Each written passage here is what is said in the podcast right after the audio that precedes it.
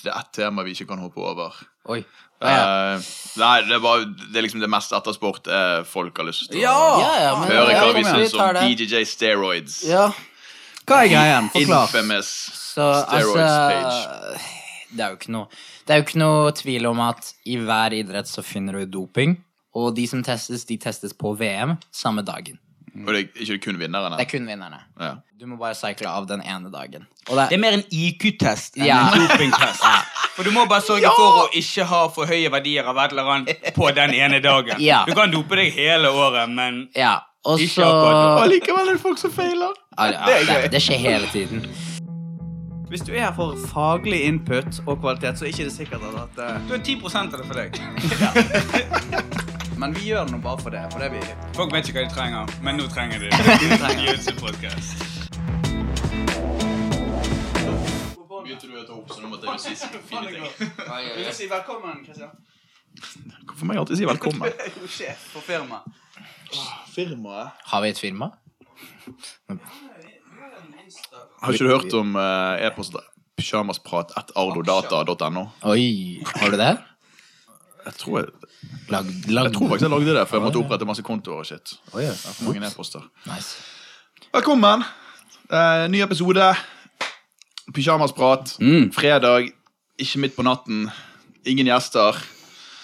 Kjern. Ja, Skjerm er bare samlet. Skjerm. er samlet. Sommeren er over, og alle er på plass. Og vi har fått inn litt temaer som vi skal gå gjennom. Og uh, litt egne ting som vi har tenkt ut. Um, nei, fader.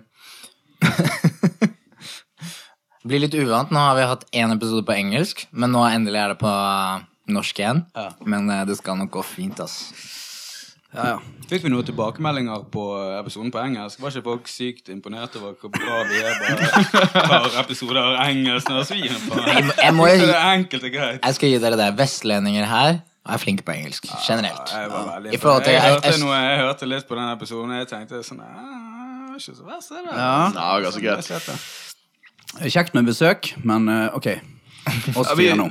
vi har jo prøvd å få disse jentene inn på en episode, eh, men det gikk ikke helt uh, Det matcher ikke datoene. Marit og de reiser vel til Vegas nå for en konkurranse og noe greier. Ja, det er Master Worlds. Uh, er det denne helgen eller neste? Jeg lurer faktisk på om det er denne helgen de reiser. De Ja. reiser i morgen. Ja, det, det er nok neste helgen. Mm. Lykke til. Lykke til. Det blir bra. Så da ble det oss til denne omgang, og så neste gang håper vi å få inn uh, litt Kan jeg, kan jeg få bare slenge inn første tema? Beklager, Kristian. Ja, Ta fra deg programlederrollen. Nei, um, fordi at jeg har jo bursdag klokken tolv i dag. Nei! Jo, jo. Ja. Jeg blir jo 39 år. Ah, det gjør faktisk litt vondt å si det. Nei, nei, nei. Men derfor tenkte jeg kanskje vi kan starte med det temaet i forhold til å Bursdagssang. ja, eldes på matten. Og det å bli eldre og trene. For vi er jo litt sånn forskjellig alder. Eh, du, Tariq, hvor gammel er du egentlig? er ikke du sånn 19? nei, nei, nei. 23? 23. Faen. Christian Men altså, Nei, ok. hvordan våger du? Ja. Nei, Nei, altså, jeg poenget er at jeg jeg, jeg, syns det er litt interessant, da. Hvordan man trener når, når man blir eldre. Og vil høre litt deres tanker på. Ja, Christian er 30, og jeg er 35, så vi har det Ja, ja. perfekte spekteret for Ja, hele denne samtalen. Altså. Er det lov at jeg kan, jeg kan burde, komme ja, med noe? ja, for du er jo den unge. bare sånn, Her trenger du tenke på det, er du helt dum? eller?» Og så burde det vært med Gandalf også på denne episoden, bare for å få litt ekte, vise Livserfaring. Ja, stakkars fyr. Han har litt sånn skulderskader Ja. og sånne ting. Men, men det er jo ikke alle eldre folk som er jo Poenget er jo at du må jo eh, vær smart med treningen din Mm. på mange måter. Uh, Hvordan vet du det? Er du Nei, jeg altså Jeg tror bare det er sånn at når du er 20, da, eller 25, eller ok, 30 også, så tilgir kroppen din det meste. Ja. Uh, mens jo eldre du blir, så er det vanskeligere å hente seg inn like fort. Og du blir kanskje enda mer um, straffet da for kanskje dårlig søvn og dårlig kosthold enn det du var før. Litt, litt si at øh, kanskje du ble mindre bakfull før, mens nå når du drikker, så er du plutselig dårlig hele neste dagen, eller kanskje to Ja, ja. dager. ikke sant? Så, så jeg tror øh, sånn rent fysiologisk så henter kroppen seg inn mye treigere. Og eh, hvis ikke du gir kroppen din det du trenger, da, ikke sant, for å bygge seg opp igjen, så blir det enda verre. Ja. Så Nei, det, det, Det, er det er et par sånne ting. da. Jeg, jeg, har syntes, jeg har alltid syntes uh, gjennom tidene uh, at folk som hører for mye på signaler fra kroppen sin over 'Å, nei, jeg har litt vondt her. Å, nei, jeg har litt vondt her.' Jeg Ta deg sammen og bli litt tøffere. Alltid tenkt det inni meg. Ofte har jeg sagt det, men alltid tenkt det inni meg. Bare sånn, du trenger ikke noe mer hvil. Du trenger bare å bli litt tøffere. Og så har jeg, nå har jeg gått over til å tro at gjennom 20-årene så handler det kanskje om å ignorere litt av signalet, bli litt tøffere, gønne litt mer på, og så bare tåle litt mer. Men det må du bare gjøre fram til 30-årene, midten av 30-årene, så må du begynne å høre på kroppen din. Og da bør du allerede ha blitt tøff, og så må du begynne å forstå at nei, nå når du hører signaler fra kroppen din, så må du høre på dem. Og hvis ikke du hører på dem, da får du snu Ja. på det. Ja, for jeg tenker liksom eh, Når man blir eldre, så er det litt sånn Jeg, mer jeg merket jo Altså, alle har jo forskjellig utgangspunkt. sant? Altså, Tenk du, Tarek. Du var jo sikkert atletisk når du begynte, og så du bare bygget på det. Eller et barn. Nei, mens, mens eh, Sånn som meg og Christian, vi har jo vært eh, Ja, hva skal vi si? Festløver? Jeg skal gjerne bli med i den kategorien. Ja, jeg tror si på. Meg utenfor festløver. Ja, du er med i festløvekategorien. Så, så kom, men så kommer du inn som en litt sånn sant? Du er bikket 30 og begynner så å trene jiu-jitsu. Og det, det, det er bare sånn Det det er, et annet utgangspunkt enn en mange andre har. da Og så blir kroppen vant til å ja, all påkjenningen og sånn. Og så merker jeg nå, sant, 39 blir jeg om noen timer. Uh, og da lurer jeg litt på liksom hvordan hva er veien videre, da? La oss si de ti neste årene. Fem neste årene. Trene. For jeg syns jo det at Jeg syns jo det er gøy å spare med folk som er ti år yngre enn meg og liker å gå hardt. Jeg synes jo det er fett. Jeg har lyst til å fortsette med det. Jeg har ikke lyst til å bare rulle med folk som er eldre, liksom. Ja, litt av det greiene jeg mente med at folk må skubbe litt forbi komfortsonen sine og høre litt mindre på signalet på kroppen sin når du er ung, er fordi at ja, hvis ikke du, hvis ikke du skubber kroppen din forbi de grensene som eh, du allerede har, så blir du ikke drøyere, og du, og du kommer ikke videre i utviklingen din. Så du må hele tiden skubbe videre for å, for å bli drøyere. Men når du begynner å bikke 30-35, så er det sånn at da må du nesten vite hvor landet ligger, og det er greit du kan bli bedre, og du kan, du kan bli bedre trent, men du må gå mye mindre steg for hvert steg videre du tar. Du kan ikke bare presse på, presse på, trene kjempehardt i en uke og tro at du skal komme inn i neste uke i bedre form. For det er kanskje bare litt hardere du kan trene hver uke. Kanskje bare litt hardere, og så må du roe det ned med en gang du får signal fra kroppen din om å roe ned. Ja. Jeg tror det er mye også eh, sånn treningslære, da. De snakker mye om trent for å trene. Så sånn basistrening, mye, mye som kan hjelpe deg sånn generelt liv, eh, livskvalitet liv, videre i livet. Helt enkel sånn styrketrening, basic eh, øvelser. Trenger ikke å være noe fancy, trenger ikke å være noen maskinøvelser.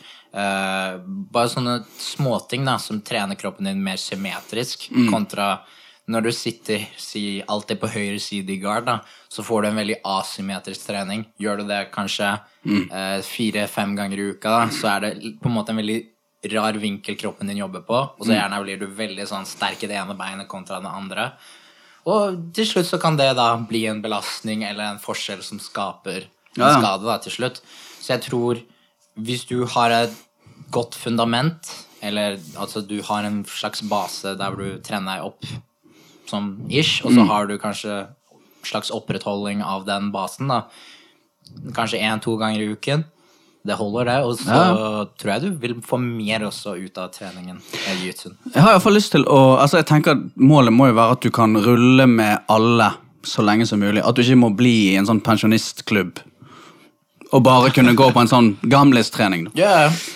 Nei, Jeg, jeg, jeg, jeg tenker at du, at du ofrer deg og trener mye med, med hvitbeltene og de aller dårligste i klubben gjennom hele hvitbelten din, gjennom hele blåbelten din, gjennom hele lillabelten din. Og så kanskje du trener mindre og mindre med de helt nye og de mer spesete, uavhengig av alderen din. Men bare det at du har allerede gitt nok videre til neste generasjon. Og det er kanskje bedre for de å lære fra en kjempeentusiastisk blåbelte som har kjempelyst til å lære vekk Definitivt. de basice basic tingene til, eh, til de helt nye, i forhold til at kanskje du når du er brunbelte eller svartbelte, trenger å gjøre det.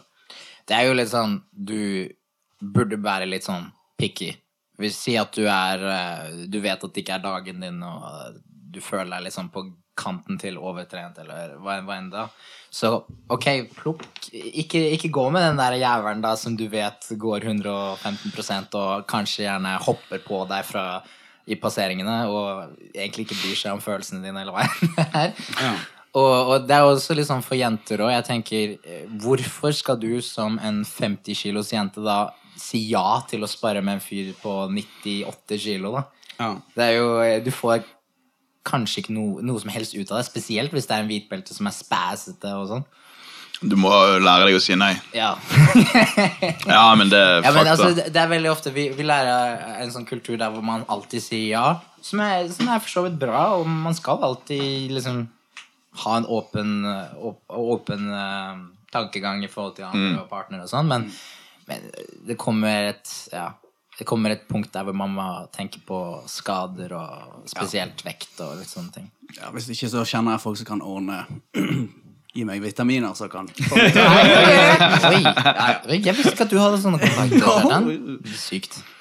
Ja, nei, men skal vi eh, gå videre til Ja, men det, Vi har jo spørsmål som henger sammen med dette. Vi, det var en uh, jente som sendte inn spørsmål om eh, dette her med restitusjon i forhold til trening. sant? Hvordan, hva sikkert våre tanker rundt dette å restituere kroppen og ta vare på kroppen etter mange dager med trening på rad. sant? Hva gjør dere for å komme i gang, eller kanskje også bare forholde kroppen videre hvis du, skal ha, hvis du vet du har en lang treningsuke foran deg? Ja. Altså, hvis du tenker på det som en kopp eh, eller et glass med vann, ikke sant? Eh, Der hvor når du trener, da, så heller du ut det glasset. Så hver gang du sover, spiser, alt det, så fyller du opp glasset litt, ikke sant? Men poenget er at hvis du heller ut det glasset før du har på en måte fylt det mer, så på en måte går det bare lenger og lenger ned. Til slutt så får du aldri fylt det glasset på noe som helst tidspunkt, ikke sant? Så det er litt sånn Gjerne ha den der dagen imellom der hvor du lar det glasset fylle, før du på en måte kommer med en tøff økt. da.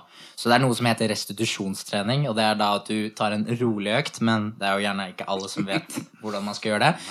Men, men gjerne bare drill en dag, kanskje kjøre to sparringsrunder, skip to andre sparringsrunder, og så har du, har du da hatt en rolig dag. Men det er jo ingen som gjør det.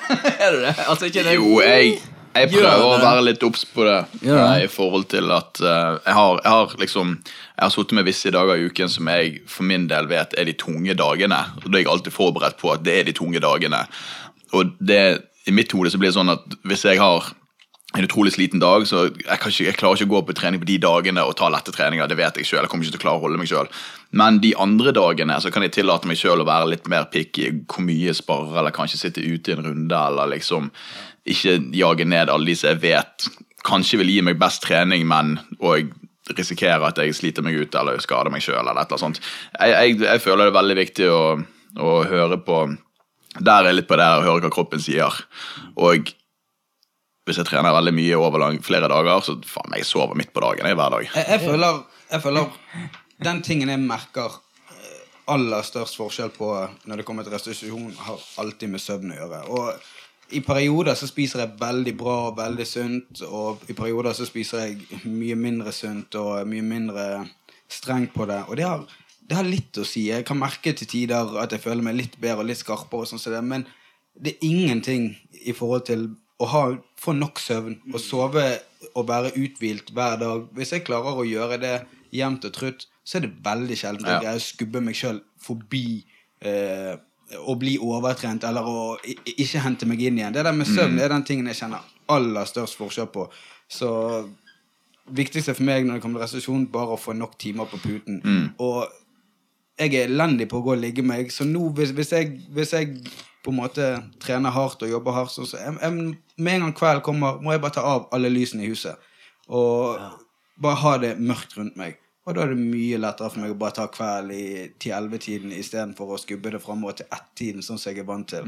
På når jeg sitter med en laptop 1,5 meter fra fjeset mitt og holder meg våken. Ja, men det der sliter jeg med. Jeg, game, jeg gamer jo, sant, så Ja, så jeg er kommer hjem og sitter sant, på men det er PC-en og Ta på sånn der uh, gult lys på Ja, PC-skjermen, skru ned, eh, skru ned lysstyrken og bare la mørket falle rundt deg. Mm. Da faller roen på. Eller kanskje ikke hvis du spiller dataspill og blir jaget opp av det. Nei, nei, men jeg skjønner, jeg skjønner hva du men i mener. hvert fall for meg har det alt å si. Ja. Bare få ned lyset, la, la på en måte kvelden og natten komme når han kommer, og så kan jeg ta kvelden. Mm. Det er jo altså sånn i forhold til vitenskapen, holdt jeg på det er jo sånn at kroppen produserer melatonin naturlig. Ja, om den har serotonin til melatonin. ikke det han gjør? Ja, ja, i forhold til at da blir du søvnig, da. Ja. Og da og, Hvordan vet du sånt, Sipo? Ja, jeg internett, da? Lodd, Loddefjord-vitenskap. det er- Sånn, han kan de det, what the fuck, man? Ja, ja, men altså, det, det, er, det er veldig bra. Og de har også laget noen sånne shades som gjør at alt lys blir på en måte varmt lys. da, Oransje lys. Så den blokkerer alt blått lys.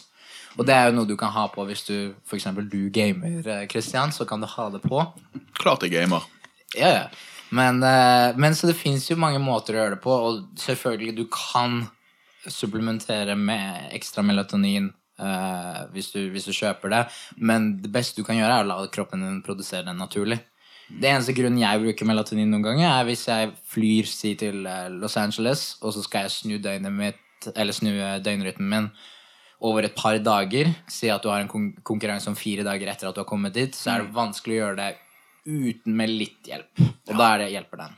Der òg har jeg lest litt sånn om faste. at Det kan hjelpe at hvis du bare spiser frokost til vanlig tiden der du kommer fra, og så tar du hele reisen fastet, og så venter du til frokosten starter i det nye stedet Ah, du er på.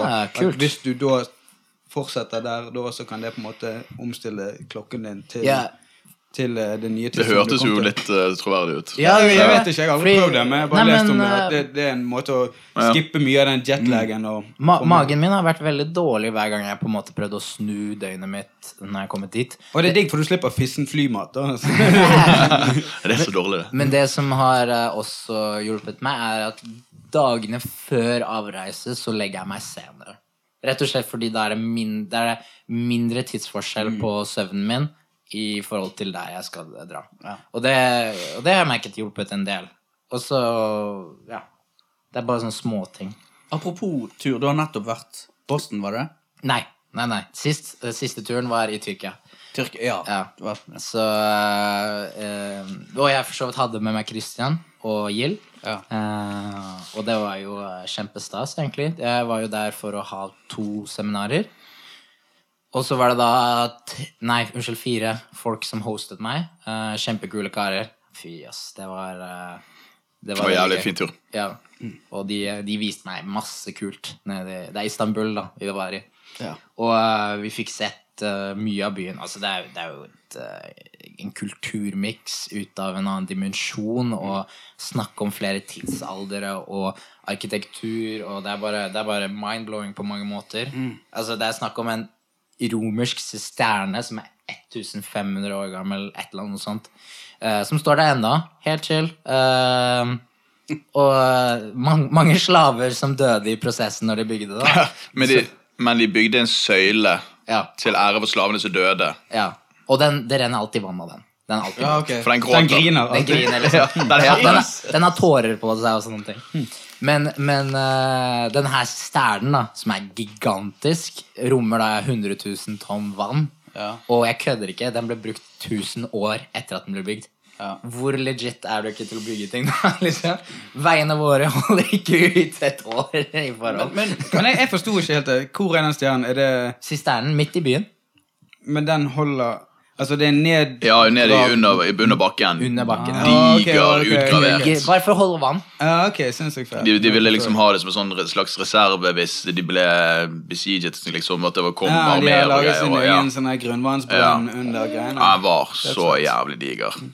Og eh, jeg eh, berømmer deg veldig for å ta med deg eh, Christian og Entourage på reise. Det er veldig kult. Men Yeah. ikke Obama når du skal til Tyrkia. liksom. Han Jeg- fikk muligheten. Jeg, jeg, jeg spurte han Jeg spurte om Obama ville ta meg med dit og være tolken min og rett og slett guide. Men uh, han skulle da møte Mario i Orebro. Mm. han. Ja, ikke sant? Så jeg, jeg, tilgir, jeg har ikke tilgitt han ennå. Tyrkeren som aldri har vært i Istanbul, reiste heller til Sverige. Men det er én ting. Obama har alltid snakket om kebaben sin. Ja. Ja, vet du hva? Det hørtes litt rart ut. Når vi måten. snakker om restitusjon Ja. Så mye som han har snakket om at han skulle lage kebab eh, til meg og Christian. Så og mange år. Så mange år. Jeg, jeg, jeg ble så fornøyd når jeg endelig kom meg til Tyrkia og fikk smakt ordentlig kebab. Ja. Og nå kan jeg si det til han. Nå kan jeg si at jeg dro til Tyrkia, Ja. og så fikk jeg smakt ordentlig kebab. Og det var enklere enn å komme hjem til han. Ja, akkurat. Men hvordan var den kebaben? Helt fantastisk. Fy faen, det var Fy godt. De har forresten åpnet en ny tyrkisk kebabsjappe i byen. Bergen. Men Fantastisk. Men det kan ikke være- ekte Ja, Er det er autentisk, liksom? Autentisk. Men okay. Tariq, jeg må spørre deg, eh, for du har reist masse i sommer, sant? Ja, jeg har vært en del rundt. Kunne du, hvis du hadde villet, bare fortsatt å reise utover høsten og bare kjørt på? Kommer liksom tilbudene hele tiden? Eller? Nei, nei, nei. Det, det her er ting som har eh, på en måte vært og- planlagt siden starten av året, kanskje. Ja. Noe av det. Og så um, Og så har jeg egentlig bare vært sikker på å planlegge at jeg alltid har ting som passer rett etter hverandre. og sånn og sånn. Eh, det har vært noen stressfulle dager, holdt jeg på å si uker, egentlig, eh, forrige måned, siden jeg har flyttet.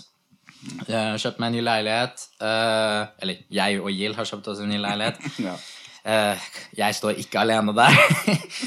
og så har jeg eh, vært i Amsterdam, Royal Camp. Der hadde jeg også med Christian. Eh, han fikk bo i hotellrommet mitt, så han ble jo Jeg, vet ikke, jeg, har, jeg har bare raidet på Tariq i hele sommer. Bare liksom folk, for du vet, Når han kommer på seminarer og sånn, Ja. og så vil folk liksom, de vil betale middagen hans, klubben og sånn. De vil liksom ikke at han skal bruke penger. Nei, så jævlig sensitiv. Ja. Og så um, um, og så, når jeg er med han, så vil, så vil de gjøre det samme for meg òg. Så jeg setter jævla pris på det, men det litt, jeg føler det litt sånn Jeg kan ikke gi de det samme tilbake som Tariq kan gi de. Men allikevel, så jeg, Amsterdam på, så Han var undervist på campen, mens jeg eh, skulle bare egentlig være med og trene, så jeg betalte for campen og var med på alt det der. Ja, ja. Og så fikk jeg bo på hotellrommet hans hele turen. Fantastisk. Det er liksom bare sykt fett. Sykt Og du deler jo tross alt litt av din Tariq med de, så du må jo ikke føle at du ikke bidrar. på Ja. Nei, nei, nei, sant det. Men det var, det var en jævlig fin tur. Og eh, det morsomme med Amsterdam-turen For det var, jeg, reiste, jeg var ute og reiste i en måned. Og eh, det fine med den turen eh, var jo starten, fordi Tariq, eh, Tariq røk første dagen på matforgiftning. Ja. Og, og da mener jeg sånn alvorlig I matforgiftning i Amsterdam. Type, for jeg Vi flydde fra Bergen samtidig, men jeg hadde en annen flyrute. Jeg skulle via Kjøben. Flyet mitt ble kansellert fra Kjøben til Amsterdam, så jeg sov i Kjøben eh, første kvelden. Og så reiste jeg igjen sånn klokken fire om morgenen til Wien for å så fly fra Wien til Amsterdam. fordi alle flyene var booket fulle og sånn. Men når jeg kom dit, så reiste jeg rett på klubben, rett på trening, og fant Tariq på driteren. Sånn med en gang. Og driteren i den klubben er bare sånn en halv meter fra matten. Det er Ja, ikke lange ja. veien. Det er ikke det du har lyst til å være skikkelig dårlig i magen. Hvis noen viser en teknikk, da, og det er stille i rommet Ja, ja, ja, ja. Det kan hende at du hører noe. Men altså, det som hadde skjedd, er at jeg hadde spist frokostbuffeen på dette hotellet. Og det, altså, det var et fint hotell. Det var et veldig fint hotell, men jeg vet ikke om det var eggene, eller om det var melk, eller hva enn jeg Eller en av de som hadde tatt på maten før, som ikke var helt rein på fingrene. Et eller annet. Men, Men jeg, jeg snakket med en av de som, eh, som bodde der, og han, eh, hun, hun fortalte det at denne hetebølgen som har vært der, det er mest sannsynlig den som har gjort det i forhold til eggene og sånn. For at, um, Ja. Vanligvis så hadde hotellene forbud mot å servere egg i det hele tatt hvis det var over en viss temperatur ute. ah, Eh, Så de fleste hotellene ville ikke servert egg på den tiden. Men nå var jo hetebølgen akkurat over når vi kom dit. Men kom det seg, for din del, da, kom du deg etter hvert, eller? Altså, det som skjedde var at jeg hadde spist den frokosten, og så trente jeg to økter på morgenen. Og på andre økten så merket jeg at ok, nå er det noe som er funky-funky her. Og så måtte jeg gå litt inn på do og ikke sant, sånn her. Og, og så stikker vi på hotellrommet etterpå, og så tenker jeg ok, men nå, nå tar jeg meg en liten lur. Chiller lite grann. Det går, det, det går sikkert vekk hvis jeg bare sover lite grann. Å, fy faen. Jeg våkner, og det er bare Altså, det er full fullt sånn pro prosjektilspying. og, og Nei, det, det var ikke bra. Og så tenker jeg Jeg er jo Ja, du kan fortelle. Det var Han er så sta. Så vi skjønner jo at han er dårlig, at han har spist noen greier. Så jeg prøver liksom han, under, han skulle ikke undervise første dagen. Han skulle undervise andre dag. Så vi er litt sånn Eller jeg. Først var det meg, og så prøver jeg å si til han Bli hjemme på hotellrommet, kul han, prøv å sove det av deg og liksom bli litt bedre. Sant? Ikke gjør det verre med å gå bort på campen og fortsette å trene, eller hva du gjør. Bare bli her og kul han. Sant? Skal jeg hente mat, eller hva vi trenger, og sånn. Men det var ikke på tale, så han skulle absolutt være med bort. Sant? Så på vei bort OK form, tror jeg. Uh, ser litt på treningen, og litt sånn, og så går det sånn kvarter, og så tar jeg vekken. Man var ikke på do, da fant vi han bak disken rett foran mattene. Hvor han lå og sov oppå en haug med pappesker og bager og sånn. Og så spør jeg liksom, skal vi gå hjem igjen. Skal jeg kom an, stikke på toalettrommet? Nei, nei, nei, jeg bare ligger her. Jeg hører når de underviser teknikker. Da kommer jeg opp og ser. Akkurat som en kompis er for full. Ja, men Så ikke- nekter å innsette det. Det er ikke kødd hver gang jeg hørte Ok, guys, så bare stikker jeg hodet mitt ut og ser på hva de viser, og så vil jeg få med liksom detaljene, og så, og så stakk jeg hodet tilbake igjen. Og så, så fikk jeg møte eh, Jackson Sosa var jo der, og Leo Viera. Checkmat-folk. Ja. Og eh, Leo kom bort til meg helt på slutten og bare sånn Hvor, hvor er Tariq hen? Og så nei, han, han ligger bak disken her og sover. Så går han liksom bort og kikker, og så blir han sånn Du, Christian, kom igjen. Ta med deg hjem. Jeg var sånn, jeg prøver, han vil ikke. Jeg bare, Ta han med deg hjem, så han kan undervise i morgen hvis han har litt form. liksom. Og så, blir, så skipper jeg siste treningen, går bort og sparker Tariq i foten og sånn Nå, nå stikker vi. Nå går vi. sant? Jeg driter i hva du syns. Og så reiser han seg. så Første han sier ah, men faen, Det hjalp på å ligge her nå. Jeg føler meg mye bedre. Jeg spøker ikke. Vi går 30 meter ut døren, og han bare tømte seg i en blomsterpatte midt i gaten der. Og bare, jeg mener tømte seg, og folk går forbi og bare sånn Hva slags folk er dette her? liksom? Typisk dopterrorister. Nei, ikke det. Dopturister som kommer ned her og røyker. Herregud. Amatører. Og, og Christian løp inn på McDonald's for å kjøpe meg noe vann, og jeg, mens jeg bare sto med hodet inn i busken der. Åh, 90 grader. Jesus. det Nei, det var jævlig morsomt. Men eh, folkene på campen var jævlig hyggelige. sant? De kom, Hun ene som eh, trener der, er jo doktor. Ja, Rose. Rose. Ja. Så hun kom jo med medisiner og fikse Åh, ting. og bare liksom- kom til hotellrommet, kom med smertestillende, kom med noe som heter activated charcoal, charcoal eh, kull, da. Som eh, Alt blir jo svart i magen, men Det gir jeg til babyene mine når de er dårlige. ja, ja, ja. Det funker jo dritbra, da. Ja da. Så, så det hjalp mye. Det gjorde det. Og så, og så fikk jeg undervist greit neste dagen. Jeg er jo sånn at Ja. Idet jeg er i modus, så klarer jeg på en måte å låse litt ut til andre ting. Men sånn, jeg merker jo etterpå at jeg var litt sånn drowsy og sliten og alt det der. Men, men ja, det gikk Det gikk, greit. det gikk jo bra til slutt, da. Og så fikk jeg trent på slutten av uka. Men, men alle de andre treningene var sånn halvveis, ville jeg Ja. sagt. Jeg fikk, jeg fikk liksom ikke så mye ut av treningen. Jeg fikk drillet teknikken, men jeg fikk ikke egentlig fått den Altså, Men, men for den, jeg må bare spørre litt annerledes Men den uh, instructional-greien som kom ut nå nylig, den når du var i USA ja. Det, jeg, jeg trodde det var nettopp du hadde vært der, men ja, jo, jo. Det Det, var, nettopp det, var, det var rett, rett etterpå. Så Amsterdam, og så var jeg ferdig der. Ja. Ehm, så dro jeg hjem på lørdagen den uken. Ja. altså etter uh, campen. ja. Og så dro jeg til Boston søndagen. Yes. Dagen etterpå. Og, og da hadde jeg et lite mellomstopp i Island. Uh, faen, jeg, må, jeg må gå ut av flyplassen der. Jeg må, jeg må utforske Island, for det så dritfett ut. Ja. Og så eh, kom jeg meg til Boston etterpå, og da har jeg en deal med BJ Fanatics om at vi skal filme inn uh, to DVD-er. Uh, Tariq Platan og fotlås, uh, signaturfotlåsen, som jeg hører mye. Og så, eh, ja, sykt hyggelige folk. De tar meg rundt, eh, god mat, og Bernardo Faria var sykt fet fyr, og, og jeg fikk trent med de, og ja, generelt kul, eh, kul Gjør dere eh, alltid ett? Altså Er det sånn dere stopper og begynner på nytt hvis det krøller seg? Eller? Sånn som jeg uh, forsto hvordan de pleier å gjøre det, er at de har eh, de, Det er egentlig opp til personen på mange måter. Den som, film, altså den som instruerer. Noen sitter der kanskje i fire timer, andre gjør to timer, og så pause, så to, sant, så. Ja, ja. Men det er litt sånn, ok, du har eh, klipp, rett og slett. De, de er ikke sånn så tekniske der borte, så det de gjør, er at de, de filmer en uh, variasjon eller en variant av den teknikken du skal vise, og så klipp, og så lager de det som et kapittel, på en måte, og så kommer det et nytt klipp, og så videre og så videre. Kan vi, kan vi snakke om det at det fortsatt heter DVD? Ja, så DVD er utdatert.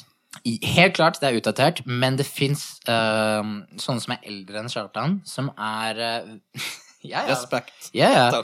ja, men som er veldig stae på å beholde denne Ja, men DVD-en. Produserer de faktiske DVD-er? Ja, DVD-coveret? Men det er fordi folk vil ha DVD-en i hyllene sin. Mm. Så folk vil ikke bare ha la- lastet ned filen, de vil faktisk ha selve eh, fysiske kopien. Ja. Og det, altså, jeg kødder ikke, folk går i protest hvis du ikke lager den. Men hvorfor ligger de det ut på YouTube? Altså, hvorfor ligger de dine ting? Nei, For det er jo bare det- en det er bitte liten del. Det er jo ikke Ja. en DVD Ja, ja. med Det fem er, det er en minutter. tease. Hvis du tenker at den er fem minutter lang, så er resten en time lang, da. Ja, ok, ja. Så er det mye mer som kommer, da. Men, men uh, Ja, altså Kjempekult å få filmet det. Altså, jeg kan jo si at produksjonskvaliteten er kanskje ikke den beste. Sånn i forhold til De kunne hatt bedre utstyr i forhold til lyd og filming. Nå har jeg en veldig høy standard i forhold til at jeg har jobbet mye med Goran. Og Goran er den filmfyren som skal perfeksjonere alt. Han har til og med liksom tre forskjellige kameraer som filmer deg samtidig. Og så skal han få liksom alle vinklene av den teknikken. Eh, og det er litt sånn at jeg tenkte sånn i ettertid at uh, kanskje, kanskje jeg kan få til noe med Goran istedenfor bare for å filme det, og så slipper jeg å reise over dit, og så kan jeg heller bare gi dem videoen, da, hvis du skjønner. Ja. Men uh, i forhold til uh, kule folk, det gikk greit. Vi, vi bare filmet det inn uh, for så vidt på to dager. Uh, så jeg gjorde stort sett Tarikoplata den første dagen, og så gjorde jeg beinlåsene neste dagen. Og så fikk jeg trent på en måte med de imellom og etter. Og han virker jo som den triveligste kisen i BI. Ja, han han han, han virker han er- veldig, veldig han er bare superblid og grei. Rett og slett det. Jeg tror han har mange venner Definitivt. eh, å Men han, han er jo en veldig enkel sjel, har jeg inntrykk av. Altså sånn, sånn det, Dagene ruller greit for, han, da. På en måte. Det er bare Ja, men sånn er det i dag. Ja, men greit, da. Altså går vi. Så, han, bry, han tar ikke altfor mye inn på seg. Men viste du uh, alle teknikkene dine på Gill?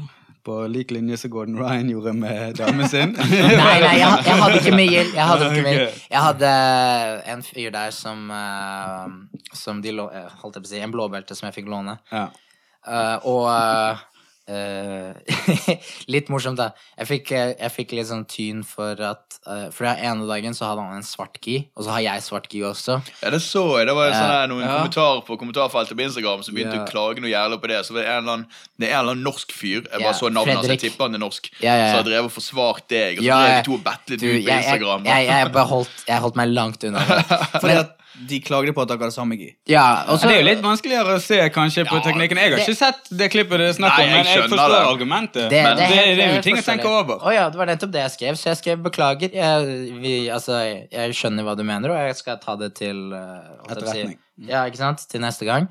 Og, og så skrev jeg også at uh, kvaliteten i Instagram-videoen er selvfølgelig dårligere enn det det faktisk er når DVD-en kommer ut. Så uh, forhåpentligvis så er kvaliteten bra nok, sånn at du slipper å på en måte hva, hva, squinte øynene for å kunne se om det er min arm eller hans Ja, men det, det han sa Og du gjorde det jo riktig med å svare på din måte og bare la det ligge der. Men Ja. det han sa, var jo sånn Han var veldig på det, men jeg er svartbelte, så jeg ser jo forskjell på deg og han, selv om begge to har svark i. men for alle andre så kan det være veldig vanskelig. Ja, altså, så det er sånn, folk er så jo er jo folk folk- jævla fornærmet. sant? Nei, men, nei, men jeg, jeg, jeg, jeg syns på, på en måte så har han et poeng der. Han For I veldig, veldig mange situasjoner hvis ikke du vet akkurat hva som foregår, så er det vanskelig å se hva som foregår. Det er på grunn av at du har forkunnskapen om hva som skjer, du kan faktisk tyde hva som skjer. Men hvis du ikke hadde hatt den forkunnskapen, så er det kanskje vanskelig å skjønne visse ting. Men igjen, det er lett å tenke sånn som Christian tenker, at er det, en del, er det selvskryt på en måte i kommentarfeltet her? Ja, jeg vet ikke. Ja, Ja, men også det er litt rart. Eh, Jeg syns, jeg syns veldig ofte folk liker akkurat å gjøre sånn som han gjorde der, og klage på andre sine vegne. Sånn, «Eh, det er helt greit for meg, men, jeg vil men hvorfor klager du, da? Kanskje en av de som ikke forstår det, heller får lov å klage. Hvorfor skal du klage? Ja. Bare, bare, hvis, hvis du tenker at kanskje det er vanskelig for noen andre å se, si det, så kanskje bare la de få si det istedenfor. Ja. Nei, og så ehm, å? Hva var det andre skulle jeg si? Uh, jo, andre dagen så hadde han det, det, Så hadde han en hvit G-topp og grå bukse eller noe sånt. Så jeg tror jeg kommer sikkert få tyn for det etterpå også. Men den, den videoen har ikke kommet ut ennå. Nei, men det er ikke du som har på deg. Nei, nei, altså det er litt sånn Ok, jeg jobber med de Jeg føler ikke at jeg kan gå rundt og demande Ok, nei, du kan ikke ha på deg den gien Legg den vekk Finn en annen gi Jeg prøvde det i begynnelsen, for jeg syns det så så kult ut hvis du hadde hvit Ja, gibukse ja. og blå gitopp. Så jeg gikk litt sånn som det med i begynnelsen. Og syntes det var stilig. Og så, eh, når eh, Sigurd, som jeg begynte på BM, eh, Ja. eh, fikk blåbeltet sitt, Mm. så sa Fiver litt sånn herre Ja, nei, han har jo vært litt sånn rotete og tullete. Kommer jo ofte litt for seint, og så går rundt med sånn hvit bukse og blå genser, og så er jeg bare så Ops! Det var meg, faktisk! Det, det var ikke Sigurd som gjorde det! Ah, Tydeligvis med skyld for det. har du sagt det til nei, nei, nei, det må ingen si. til det. Men, eh, men Sigurd fikk litt sjøl for å være han kisen eh, som gjorde det. Og det, heldigvis den tiden så hadde jeg sluttet å gjøre det. Men jeg liker at du, du tenkte at det var en litt sånn kul Men hva kombo tenkte du var fett? Nei, Eh, det var spesielt denne hvite buksen og blå G-toppen. Det syns jeg var litt kul, men, men jeg var tydeligvis den eneste som syntes det. da. Men eh, skal vi prøve å ta et sånn at vi Ja, vi var jo kjapt gjennom Gordon Ryan i sted, så vi kan jo eh, holde oss på den listen. Og, eh, Ja. eh, det var noen som uh, spurte hva vi syns om eh, Hva er det sånn flerlagsturneringer?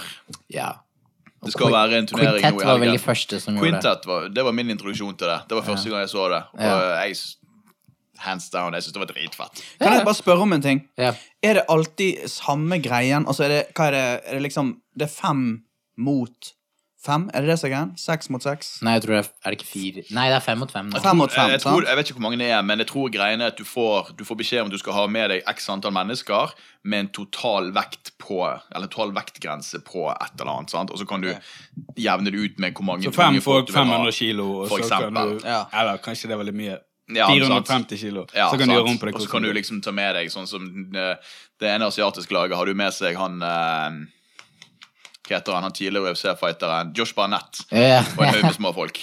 Men, men, men. Genialt. men så er det, er det no-gi. Det har alltid vært no-gi, sant? Eller har det vært- Altså, jeg vet ikke, for det, Ja, alltid, det har alltid vært alltid litt noe. rart å si, for jeg har ikke sett dette her som Jeg vet ikke om dette er som har vært lenge. Jeg har bare sett det nylig, ja, liksom. Ja, men jeg har aldri sett det formatet i GI. Det har jeg aldri. Nei. Men, men jeg har sett GI på en måte folk uh, i at uh, de er mest kjent for gi-kampene uh, sine, sånn som Yao og de. De gikk jo mot Ten Planet-folk. Ja. men da er det no-GI, ikke sant? Så Nei, det er, det er jo kult. Det er jo holdt, Det er liksom om du har fem liv, da. Og så, og så Hvis du vinner, så blir du på en måte på matta, og så går du mot neste og neste og neste. Helt til du taper, og så er det nestemann i din gruppe som går. Så Jeg det er- digger konseptet. Altså, jeg Det- synes det er dødskult. det er et veldig kult konsept. Det eneste som skjer veldig ofte, er at du har én svær fyr som pløyer gjennom hele den andre gjengen. Nei, det, det skjer litt men, men det, det strategiske er jo hele tiden hvor du plasserer han der svære kisen i rekken din. Sånn. For du slenger ikke han der svære kisen som nummer én i rekken din. For hva hvis han ryker første kampen, så er du høy med et ja. igjen. ja. Og så har de andre spart på sin store kis til sånn der runde tre. Ja, det sånn det er vanskelig å vite hvor du skal putte den store kisen din. Og jeg, når jeg har sett de turneringene, så har jeg alltid vært sånn "Eh, Hva egentlig hadde vært best? Og hver gang jeg tror jeg hadde en løsning på hvordan jeg hadde gjort det, så kommer noen og motbeviser på meg hvorfor ikke det hadde vært lurt. Så jeg syns det er gøy. Og det som er gøy, er òg når han store kisen er blitt litt sliten etter å ha tatt to stykker ut, så kommer plutselig en liten kis og konker han ut Ja. med en kjapp submission, så ingen så komme. Det syns jeg er Eh, litt gøy. er Jeg så akkurat nå en av, en av guttene på gymmen som òg har spurt om dette her. Og um, han sendte meg posten fra Gordon Ryan. For det, det er jo BJ Fanatics stiller med et lag. Uh, og det laget var med Jake Shields, uh, Edvin Nanjmi eh, En fyr som heter Giles, ikke er sikker på hvem det er. Og så Nicky Rod, som er fra Giles Nei? Lachlan. Lachlan Giles. Lackland- Girls. Ja, Lachlan Ja, ja, ja, er stemmer. Og så Nicky Rod, som er fra blå kjelleren til um, uh, Hanso. Hanso, ja. Ja. Og så Craig Jones. Det er liksom laget. Er det, er det det som skal være, eller har ja, vært? nei, den kommer nå i dag.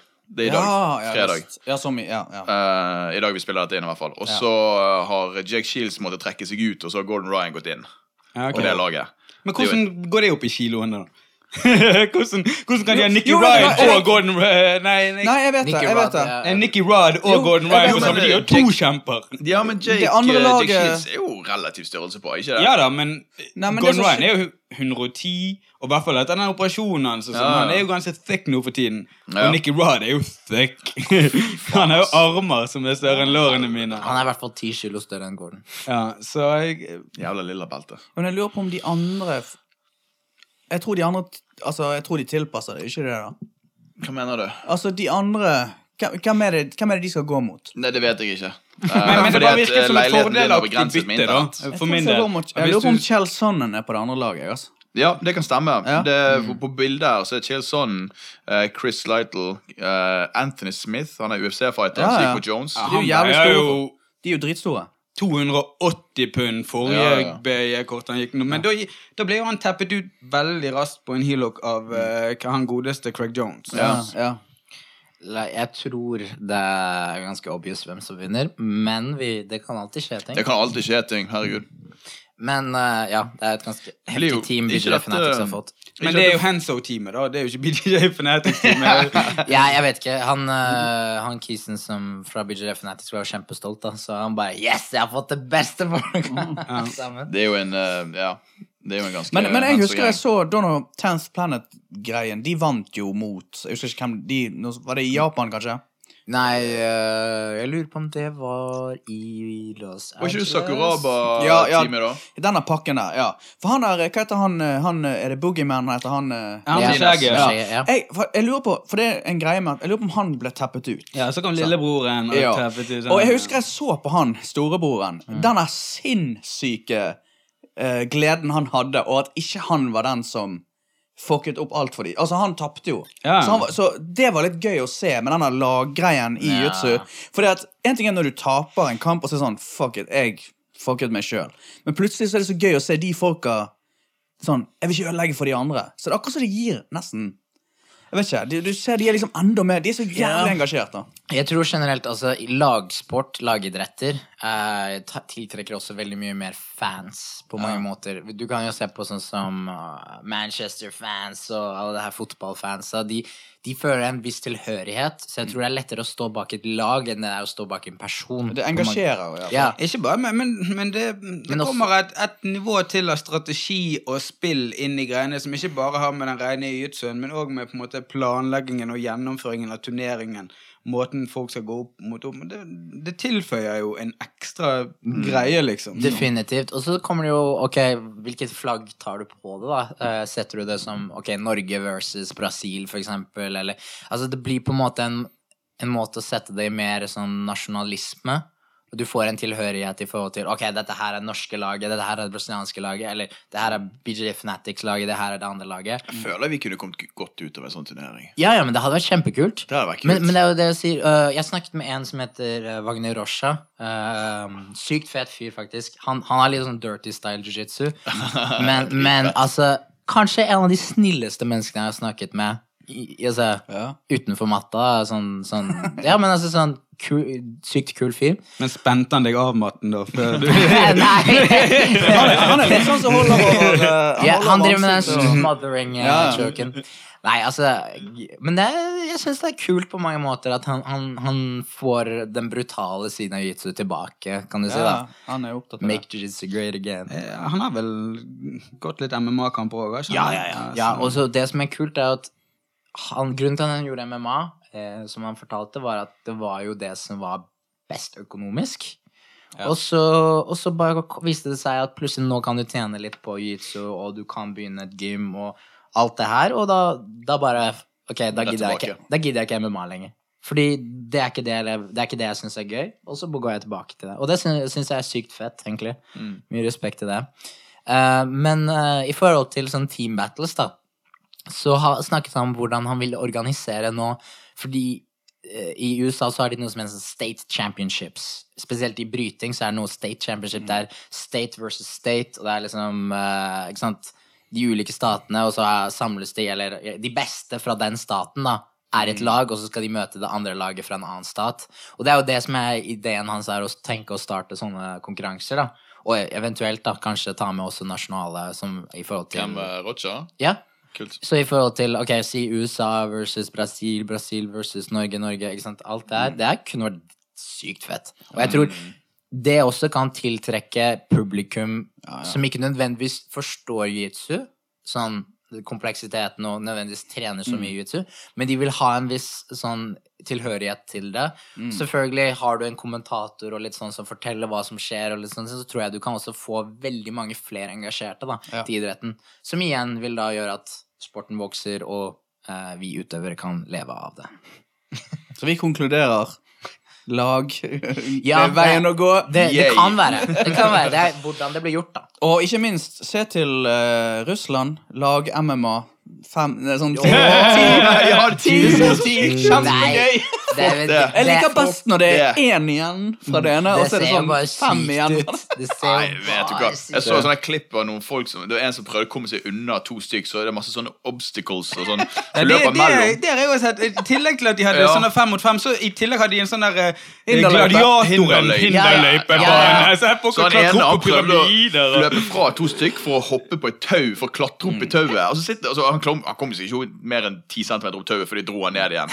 Men så ble det sånn Hva skal du gjøre? Du heter klatre opp på tauet og være der oppe, Ja, du liksom. kan, hva, du hva kan sparke ned eller noe. det, altså. det, Men tenk hvor jævlig på, fett det da, Tarek, når du liksom Du er der i denne kampen der, og så bare akkurat når du tror det er over, så kommer Sipo bakfra og tar han duden som Nei, står over deg. Ja, I så fall må vi gjøre det litt mer sånn wrestling-stil, sånn tag team, og så bare handler det om å få foten bort på enden av matten, og så tappe inn han andre, så kan jeg komme flygende inn fra sidelinjen. ja. oh, uten at han visste at jeg var på matten engang. Apropos, eh, apropos Teams i jitsu. Eh, oppvarmingen i Amsterdam. Oh, Det var så gøy. Det var ene timen til eh, Nei, det var en time som eh, Jackson Saucer skulle ha. Eller nei, var det Viera? Det er Nei, Viera skulle ha en time, og så måtte han dra tidlig. Du syns det der var gøy? Det var så jævlig Ja, det er to grunner til jeg syns det var gøy. Men ehm, uh, så skulle Det var gammel tradisjon, fordi vi gjorde det forrige campen. Ja, ok. Og for da hadde Fion Davis og Tariq hadde treningen sammen, og så viste de litt hver sin greie, sant.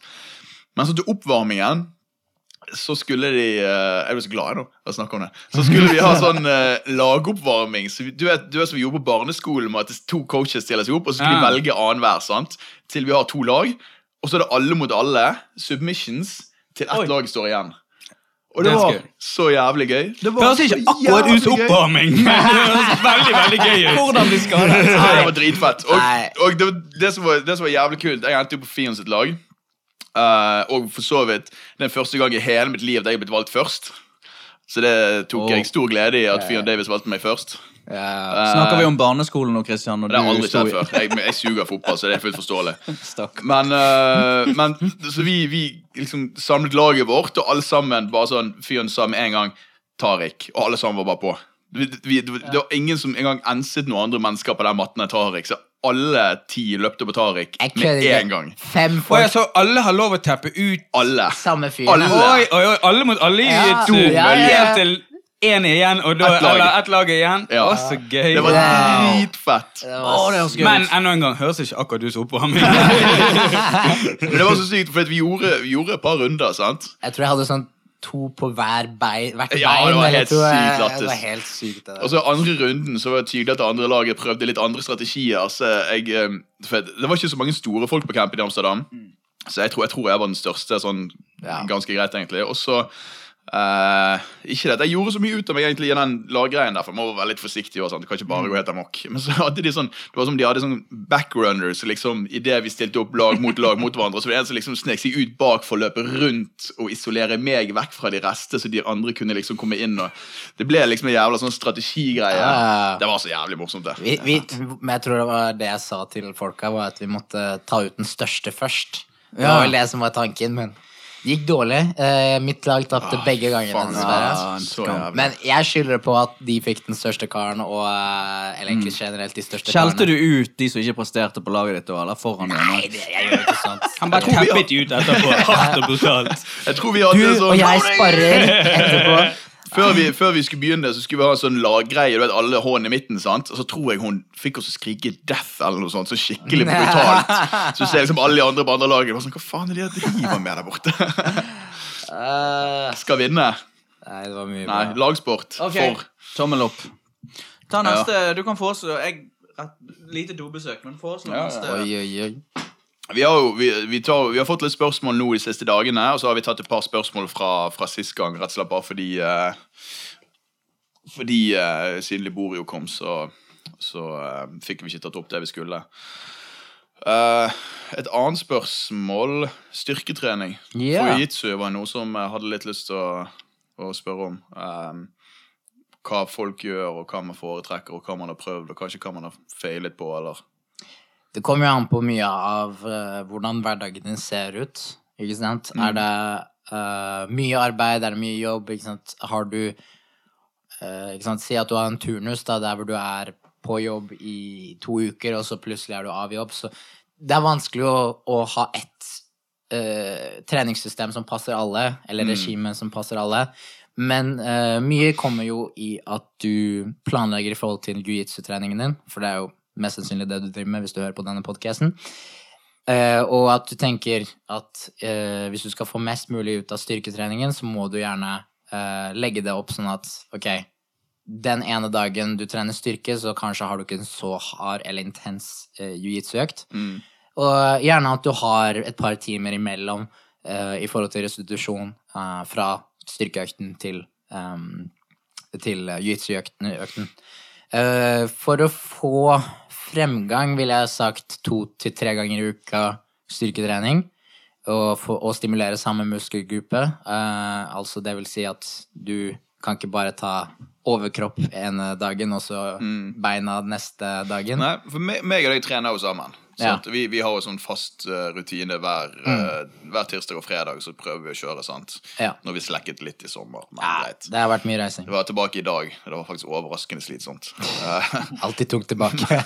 men eh, men eh, vi har jo Vi kjører jo et veldig sånn uh, kjernemuskulaturfokusert Det, Altså- vi, det vi gjør, er at vi har valgt de enkleste øvelsene, eh, helkroppsøvelsene, i forhold til squats og, Mm. og markløft. Og grunnen til det er at jeg tenker at hvis man er begrenset med tid, og, eller Mm. generelt motivasjon til å henge lenge i gymmet, da, så gjerne plukker man de uh, øvelsene som gir deg mest. Og spesielt i forhold til jutsu, så er det hofter eh, Altså, mye krefter kommer fra hoftene. Mm. Og, og jeg tenker, hvis du kunne valgt to øvelser, så er disse to de mest fundamentale. Selvfølgelig, Uh, i forhold til å styrke hele kroppen, så er det mange ting du kan gjøre i forhold til skuldre. Du har uh, mange mobilitetsøvelser i forhold til ankler. Uh, sikkert hoftene kunne hatt mye bra fra mobilitetsøvelser også. Men, men hvis du skal være veldig sånn, picky, så liker jeg jo å få til knebøy og markløft. Jeg tror det har veldig mye å si hva du prøver å få ut av styrketreningen i tillegg. Sånne, å si styrketrening for jiu-jitsu kan bety veldig mye ting. Har du lyst til Ja. å bli veldig mye sterkere, øh, så betyr jo det at du har lyst til å ligge på deg muskler og bli større og sterkere. For du kan ikke bare bli sterkere uten å ligge på deg, på en måte. Du, ja, du kan, men Det kommer som Ja, ja, noen kilo med det å, det å trene for styrke. Eller har du bare lyst til å skadeforebygge? Eller har du lyst til å eh, få en bedre kondisjonaktig styrke som gjør at du kan trene hardere og lengre? Så det spørs jo hva du har lyst på. Sant? For det, Definitivt.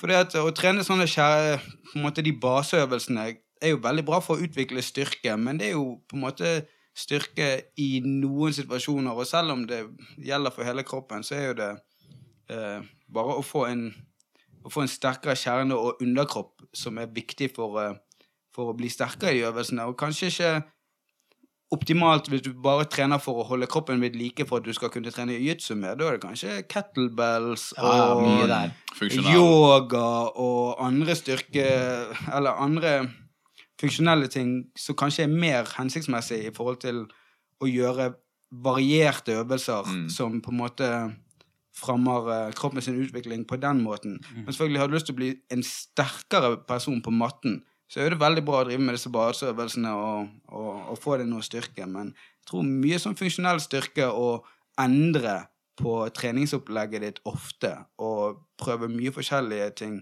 kan være vel så bra for jiu-jitsuen din sin del. Definitivt.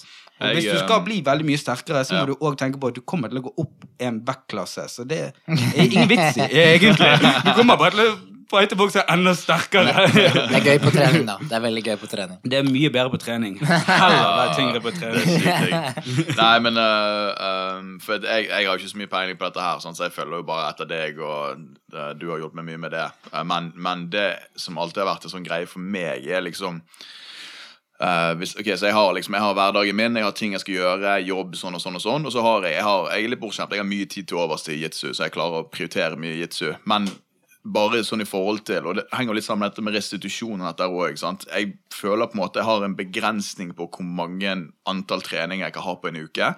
Og jo mer jeg liksom skal fokusere på styrketrening og cardio, og sånn og sånn, så på et punkt så føler jeg at da tar det vekk fra jiu-jitsu-trening. Definitivt. Så vi, vi hadde jo På Frontline så hadde vi eh, for en stund, et par år siden så introduserte vi det der crosstrening-greiene hvor vi har en utrolig flink crossfit-trener som kommer inn i klubben, og så har han en time sånn kardio og styrke og eksplosiv trening og masse sånn. Og jeg gjorde de ganske lenge og var sykt fornøyd med det. Men når vi begynte å løfte vekter, så ble det sånn Jeg kan ikke gjøre de to ganger i uken og løfte vekter to ganger i uken og trene alle treningene hver dag. Da, da, da liksom, Noe må ofres.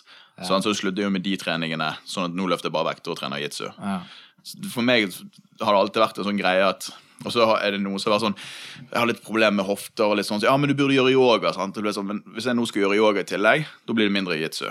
Sånn, ett sted ryker det. Ja, og jeg, for meg òg var det sånn når jeg begynte å trene jiu-jitsu og ble helt hektet, da trente jeg jiu-jitsu hver dag. Ja. Og så var det veldig mye snakk om dette her, du må trene styrketrening for, for å kunne holde på med jiu-jitsu lenge. Men det er bare sånn, ja, men jeg har òg andre forpliktelser, så jeg kan ikke Ja. trene andre ting hver dag. Mm. Og hvis jeg skal trene annen ting den dagen, så er det på bekostningen av jiu-jitsuen. Og da Ja. følte jeg at det ikke var noe vits i. For at jeg vil heller bli god i jiu-jitsu Mm. først og fremst. Det er det som var prioriteringen. min. jeg, jeg vil ikke trene styrke for å kunne trene jiu-jitsu. Det, Mm. det virket litt bortkastet for meg. Men uh, hvis du på en måte trener jiu-jitsu fire ganger i uken, og du har noen ledige dager der du har litt ledig tid på, og hvis alle er ærlige med seg sjøl, så har de noe ledig tid de dagene. Så, så, Snakk for deg sjøl! så har jeg hatt, uh, hatt mye utbytte av å trene styrketrening med baseøvelser som spesielt knebøy og knebøy, markløft, benkpress. Det har hjulpet meg veldig mye å bli sterkere.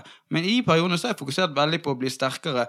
Og det har på en måte hjulpet meg i jiu-jitsuen i form av at det har vært enklere å håndtere større folk og sånn som det. Men selve den der treningen på matten, eh, hvor lenge jeg holder ut Og det òg, når jeg ble større og sterkere, så veide jeg òg mer og fikk nesten litt dårligere kondisjon.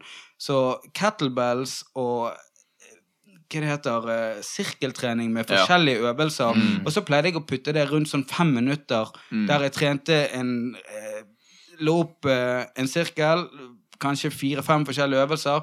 Prøvde jeg å trene den kanskje to minutter en uke, tre minutter neste uke, og så fem minutter. Og så byttet jeg ut øvelsene, og så bygget jeg opp. Det ga meg mye bedre kondisjon og gjorde meg mye bedre jiu-jitsu-form Ja. enn selve den styrketreningen. Men styrketreningen gjorde meg større og sterkere, så Men kjørte du hypotrofi, eller hva, hva, hva på en måte Kan du noen forklare hva faen det ordet det betyr? bare, da prøvde jeg bare å gjennomføre så mange da, la, oss si jeg, eh, la oss si jeg sitter seks til åtte repetisjoner per, eh, per stasjon, og så går jeg fra stasjon til stasjon, og så putter jeg kanskje Enten putter jeg eh, et visst tid per stasjon. La oss si jeg putter 45 sekunder på stasjonen, 15 sekunder hvile før neste stasjon, og så holder du på så og så. Men, men ja, det, det blir mer sånn i intervallene. Ja, ja. Men i forhold til styrketreningen, da når du trente styrke... Ja, nei, da, da trener jeg bare pff, eh, lave repetisjoner, tunge vekter. Tunge vekter, ja. ja tunge, men, tunge vekter. Nice. Prøve å det, det er jo fordi Det som er tingen, er at hvis du, hvis du skal bli sånn bodybuilder-typ eh, Ikke sant? Du trener for å bli, bare bli svær, så er det gjerne at du ønsker å ha ganske mange repetisjoner. ja, nå, nå må jeg jo rette på Altså, jeg sier få repetisjoner, men det blir jo på sett og vis en pyramide hvis du tar med alle oppvarmingsrundene, for det begynner jo alltid med eh, en oppvarmingsløperunde for å få kroppen varm, og så begynner jeg på eh, stangen, eller stangen pluss ti, og så okay. bare jobber jeg meg opp. Bare varmer opp fem repetisjoner, og så tar jeg ingen pauser på alle oppvarmingene. Så bare fem repetisjoner på stangen, fem repetisjoner på stangen pluss 20, fem repetisjoner på stangen pluss 40, og så bare går jeg helt opp til jeg begynner å nærme meg eh, der jeg er i faktiske vekten.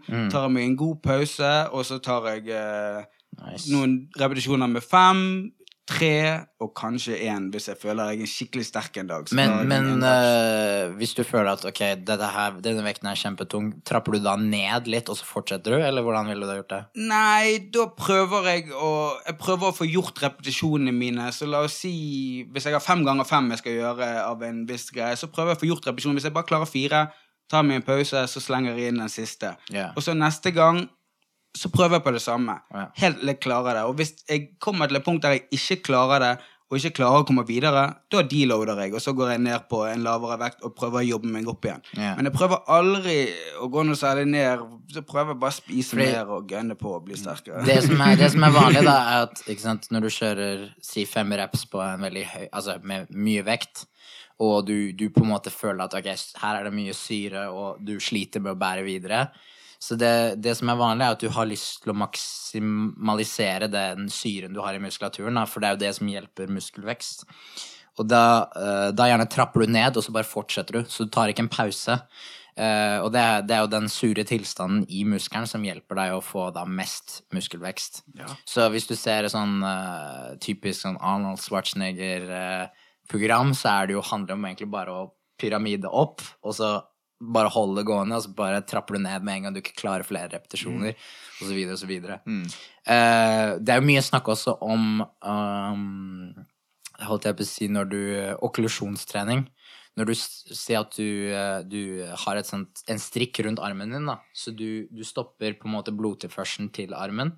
Noe som igjen- eh, gjør at du får mindre oksygen til musklene. Og det her på en måte skaper en sånn syrlig tilstand i musklene. Gir det med, eh, dere henger med? Ja. Nei, så det er også en sånn, tydeligvis en greie man gjør også for muskelvekst. Bare sånn at du slipper å på en måte bære tyngre, så du kan gjøre med lavere, eh, lavere vekt og færre repetisjoner, bare for å komme til den syrlige tilstanden. Så det, det fins mye interessant der, der ute. Og grunnen til at jeg alltid eh, ikke går ned i vekt, og grunnen til at jeg alltid tar den siste rappen, er fordi jeg aldri har lyst til å ta. La, la oss si til og med hvis jeg bare har fem repetisjoner, jeg pleier å prøve å trene med lave repetisjoner, fem, det er ikke så mye. Men jeg har aldri lyst til å ta fem. Hvis jeg kommer til fire, så sier alltid hjernen min, ja. det er nok, bare kul den. Gi det. gi det. Å, nå har du, tatt, du har tatt tre sett med fem. Du trenger ikke ta fem på denne og ta fire denne gangen. Hodet mitt prøver alltid å få meg til å gi meg. Det er det verste jeg vet med styrketrening. At jeg, jeg er så svak i hodet at jeg har alltid lyst til å gi meg. Så derfor må jeg love meg sjøl før jeg begynner. Nei, nei, jeg skal ta fem sett med fem denne gangen. Og så må jeg ta det. Så må jeg ta det. Så derfor istedenfor å stoppe på fire, og så ta en pause, og så ta den siste, så greit, jeg skal ta den der, sånn at jeg slipper å gjøre det. Men jeg må tvinge meg. Hvis ikke, så bare tar jeg tre, så tar jeg to. Men, men, men jeg tenker, hvis du, hvis du ikke vil gå opp en vektklasse uh, i jiu-jitsu, og du vil få uh, mye utbytte av, eh, av eh, styrketreningen, så handler det veldig mye om å få maksimal muskelstyrke, som det heter da. Og det er jo det at du, du ikke tenker så mye på å få muskelvekst, men du vil egentlig bare øke eh, loaden, altså vekten. Og så har du færre repetisjoner og gjerne større, altså gode pauser imellom eh, settene, da. Så litt sånn som du gjør på slutten der med, med settene dine, det er da du får eh, mest mulig maksimal eh, muskelstyrke. Ja, og, og det var litt det tanken min var når jeg gikk inn i treningsprogrammet òg, å bli sterkest mulig uten å ligge på med mest mulig. Men jeg tror eh, det alle må tenke på òg når de begynner å trene vekt, at uansett uh, Hvis du ikke trener mye vekter og ikke løfter tunge vekter, så vil alltid kroppen finne, uh, finne seg et nivå godt over der du er, med muskelmasse som, de vil være, som han vil være på før han stopper. I hvert fall i mitt tilfelle så vokser du vokser du en stund før han finner på en måte pumpevekten din, der du går rundt i, med på en måte pump i musklene dine og er eh, den, den løftevekt-versjonen av deg sjøl. Jeg har ikke opplevd det. Det var det, var det vi så Steinar Sipom gående ned til bilen. Vi kjente igjen på gangen hans. Ja, ja, ja, han bare pumper. Ja, men jeg mener Hvis du er en 70 kilo kis som ikke har trent noe særlig vekter, og så begynner du å trene masse eh, tunge vekter eh, med få repetisjoner, så er det ikke som at du kommer til å fortsette å veie 70. Du kommer lett til å bli 80 før du begynner å ikke gå videre til den bodybuilding-fasen. sant? For du er ikke Du, du, Men det tar tid. Det er konsekvent, og så tar det tid. Det tar veldig lang tid. Jeg tror òg man skal være litt obs på det som sier på sida med vektklasse. Hvis du konkurrerer, så er vektklasse definitivt noe å tenke på. For meg, for meg er det blitt Med de siste par årene nå hvor vi virkelig har begynt å fokusere på vektløftning og sånn så er superheavy vanskeligere og vanskeligere for meg å nå hver gang. Det er, det er, Det er liksom vanskelig å ta av seg musklene etter hvert. Kan jeg spørre, Sipo, du Jeg har ikke snakket med deg om det, tror jeg, men du konkurrerte i Barcelona, sant? Ja, ja. Når var det? Det var tilbake i mai. Ja, Ja, ja, mai. men Var ikke du ganske stor, da? Da hadde jeg gått opp i en vektklasse. Ja. Hvordan, jeg ikke, hvordan gikk det?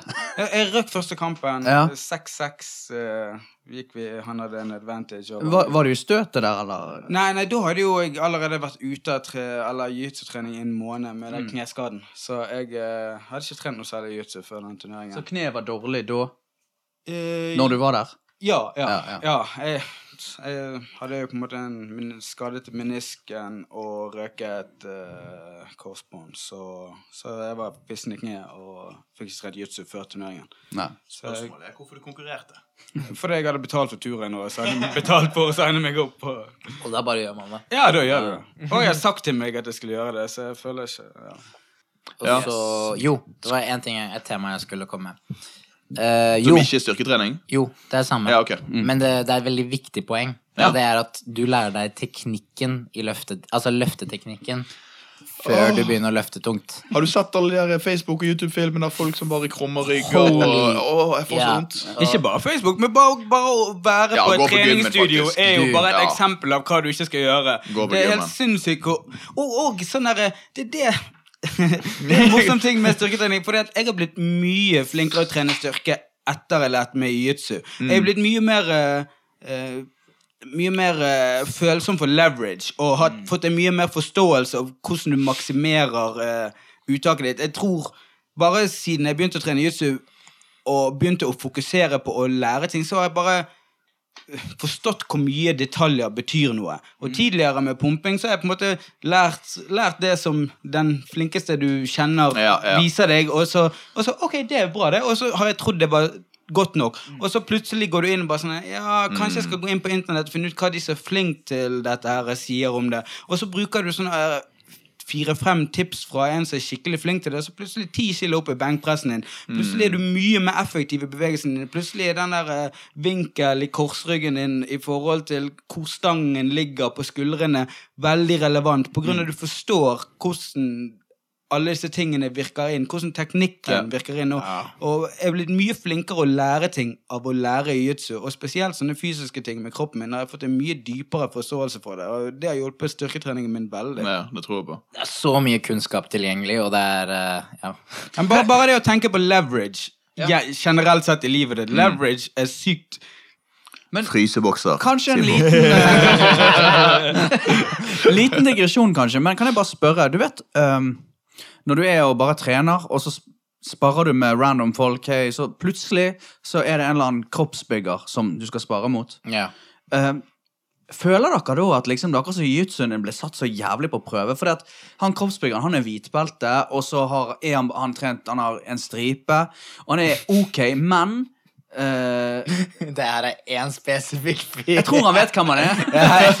Eh, men, men, men, men det som er kult med det, er at det er akkurat som alle teknikkene ble satt så jævlig på prøve. Altså, Jeg vet ikke hva dere tenker. Det blir jo det, men, men selv de sterkeste folka gjør jo mange feil i begynnelsen. Og det er jo litt det at Ok, du er svær, og så har de gjerne svære skuldre i tillegg. Så setter du opp en triangel, en sløv, en dårlig triangel, så er det fortsatt nok til å putte skulderen deres, presse den inn mot halsen, og så plutselig så tapper de på en dårlig triangel. Jeg, jeg, jeg, tror, jeg tror jeg skjønner litt hva du mener om spørsmålet. For det er Jeg husker det var, det var alltid en ting jeg sleit med i begynnelsen av treningen for meg. i jitsu, Sånn, eh, ikke bare begynnelsen, men ganske lenge etter jeg begynte òg. At liksom det var visse sånne svære, beefy folk som bare nøytraliserte alt jeg prøvde på.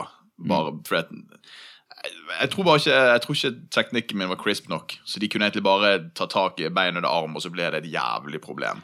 Jeg, jeg følte gjennom hele hvitbelte, tidlig blåbelte-teknikken min, så var det en sånn greie om at det kunne komme nye, skikkelig sterke folk som var skikkelig i, i god form og i Ja, støtet, ja. som kunne by deg på problemer. Ja. Og heldigvis er den tiden over nå, men det var ikke så mye det at teknikken min ble crispere. Det var bare det at jeg forsto hva som funker mot svære folk, og hvordan jeg må gjøre det. Og kanskje jeg ikke skal prøve å dra deg den veien. Kanskje jeg må flytte meg den veien istedenfor. Jeg forsto mer hva som var effektivt mot de ulike personene.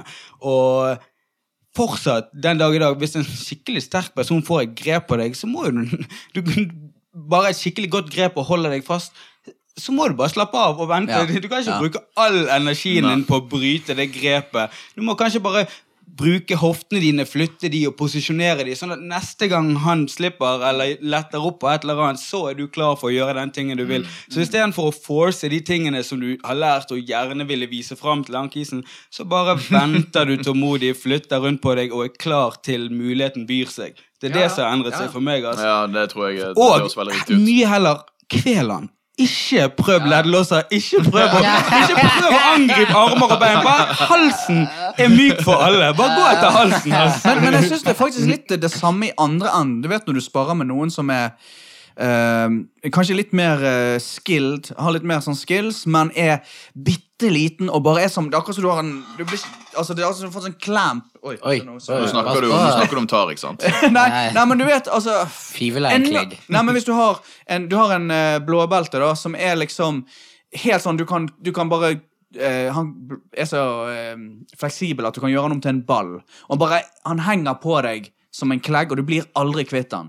Men du er mye større. Det er litt det samme. Det er akkurat så teknikkene dine Det krever bare at du tenker over hva er det jeg gjør egentlig når jeg gjør, går for den tingen. Når jeg gjør, går for den teknikken. Hva er det som skjer der? Så det, det er litt, jeg syns egentlig er litt, det er litt gøy. Ja, ja, men Å det er jo spare derfor vi mot driver sånn, med det. litt sånn ekstreme Ja, men du får Jeg, jeg liker mye bedre å spare mot større folk enn Ja. mindre folk. i hvert fall. Alltid, alltid. Mye mer plass, mye mer enklere å komme i side control på dem. Mye, mye lettere å få tilbake en kne og få tilbake en garden. Ja. Jeg vil heller ha litt. En litt større kis som ikke er så flink, enn en liten kis som er kjempeflink. Ja, ja. Alltid. De der små folkene, i hvert fall for meg, for jeg er så jævla lang og stor, de finner plass overalt. Ja, jeg, jeg, klarer ikke, jeg klarer ikke å lukke inn noen rom. Ja, og når du først prøver å få tilbake igjen et eller annet, så er de altfor tight. Ja. Heller en stor kis som ikke er så flink, enn en liten kis som er altfor flink. Jeg vet ikke om vi har snakket om dette på podkasten før, men han som heter eh, Er det Martin, som var, var blåbelte i Bergen før? Eh, som, sånn, han er sånn du kan bøye Og oh, ja, ja. Lille-Martin. Ja, som er Lille-Martin, sikkert ja, ja. nå lilla brun. Nei, er brun. Vi er snakket om han første podkast. Ja, Ja. Men han var sånn Jeg trodde jo at liksom jeg eh, At jeg gjorde noe feil. For jeg tenkte at ja, det virk, han bare satt der, på en måte. Nei, han, han er en eh, Han er en klegg noen Ja, ja. Det er han. han Men det er så rart å Sterk ja. og liten, og, og ja, så Det er kult å se på han gå. Det er veldig Og kult. veldig rart å gå med han. Ja, han, er, han, han er litt ting. uortodoks, Ja. og så er veldig mye av det han gjør, er sånn instinktivt bra. Det, han har alltid vært den fyren som på en måte gjorde jiu-jitsu riktig fra første stund, men han har aldri på en måte plukket opp sånn kjempemye fra timene og teknikkene vi viste i timen, men sånn alt det andre kom naturlig. Ja. Det, er, det er veldig det, Men folk er forskjellige. det er veldig Det er jo det som er gøy.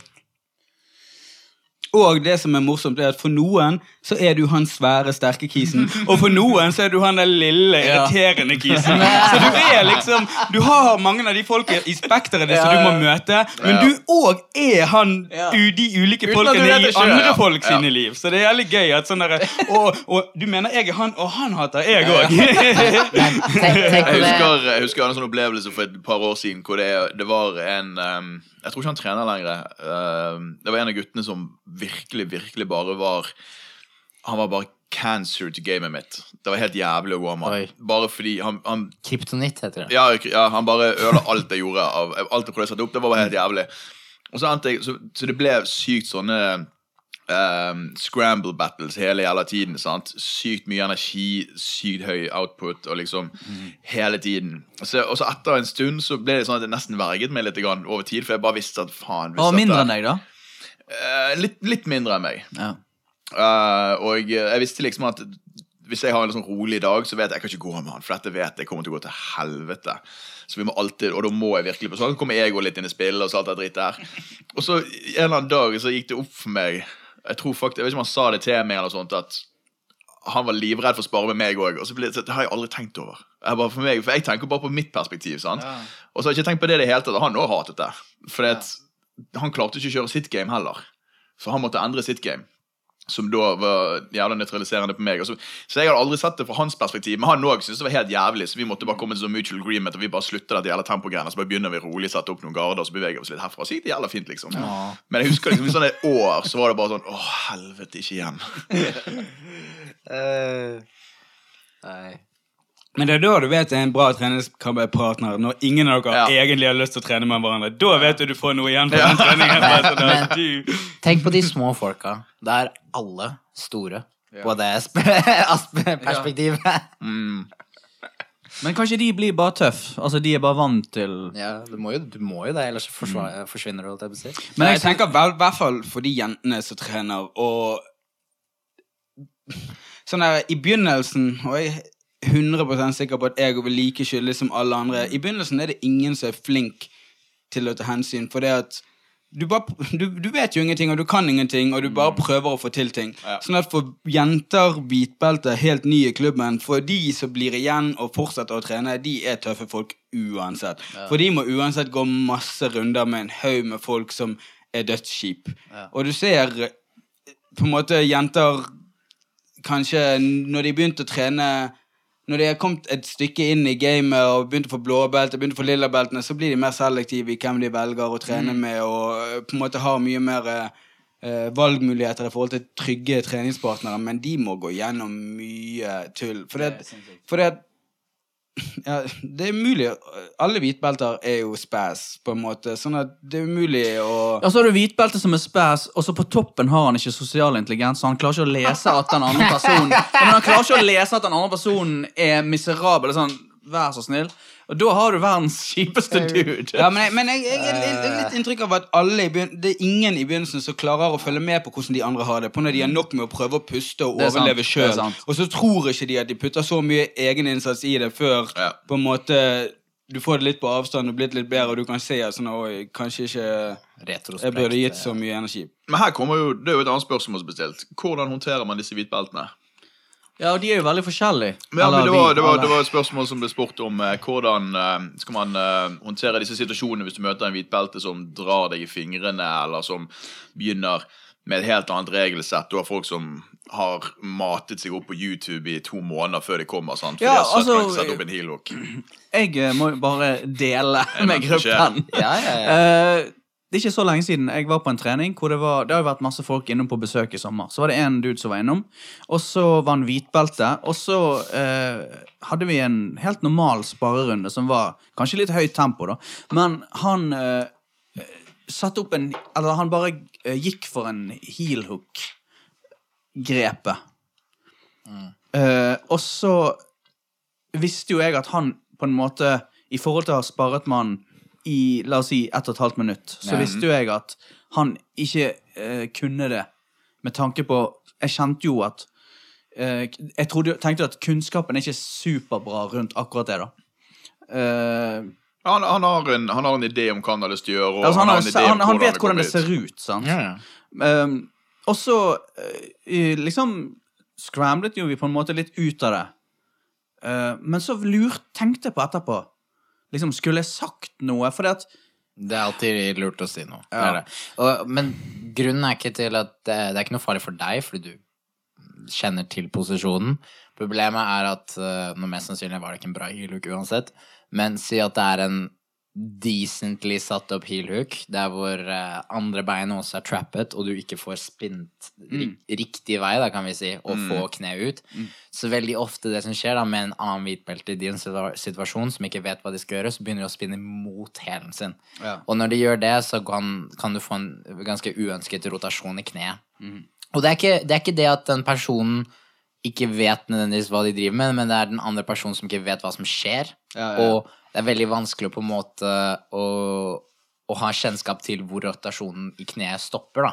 Eller hvor det, hvor det kan potensielt være skadelig. Men dette er, jo, dette er jo noe vi møter litt i Norge-teamene. Med sånn nybegynner-Norge-timer, så vi er nødt til å prøve å håndheve litt at For der, der er folk litt sånn De er litt hypp på Ja, og, og, Gjør og for min del, altså, kjenner, er, det, er det to sparringspartnere som vet hva det er, og vet at de skal tappe ut da og da, så er det ikke noe problem. Ikke? Da kan du kjøre med det regelsettet. Men problemet er når du har eh, en fyr som først og fremst ikke helt vet hva en heelhook er, men prøver å sette det opp, og en annen som aldri har sett det før, og som prøver å escape feil vei. Ja. Og så plutselig har vi en heftig kneskade, da. Ja. Og han får ikke trent Men- på men- fire måneder. Men det som er interessant, er jo fordi at I sånne situasjoner, har dere vært i de situasjonene hvor dere bare sånn Sånn, hva er det du gjør? Altså, sier du til folk Ja da, jeg Nei. mener dialog er nøkkel. Eh, Dialog Ja, ja, men har dere gjort det? Så, Ja, ja. så da, i din situasjon så hadde jeg kanskje spurt Å ja, kjenner du til heel hooks? Ja. Bare sånn litt spørrende. Og så mest sannsynlig så gir han et svar, og så ut ifra det så sier du ja, men du vet at sånn i GI så pleier vi å gjerne ikke ha med heel hooks, Ja. for eksempel. Og så kan du gjerne være litt mer sånn på den bydende siden og prøve å forklare og si til han at hei, eh, ja, så vi pleier gjerne å ha uh, rangert i forhold til uh, hvilke teknikker da vi fokuserer på, og hvilke som er lov i forhold til beltegrad Ja, og litt sånn sånn. Uh, du kan jo selvfølgelig lære det, men, men, men ha i baktanken at det her er på en måte ikke ting du kan bruke, spesielt hvis du tenker på å konkurrere, før den Ja. og den tid, ikke sant? Og så har du òg eh, Tidligere i vår så opplevde jeg òg en som var bare nybegynner, var innom noen få dager, og så forsvant det. Men han òg bare dro i foten uten mål og mening, men han har sett folk dra i foten. Ja. Så han ante jo ikke hva grep han hadde, han ante ingenting. Egentlig enda verre, fordi at han bare så en fot og tenkte jeg bare drar i den, og så håper jeg at han tepper.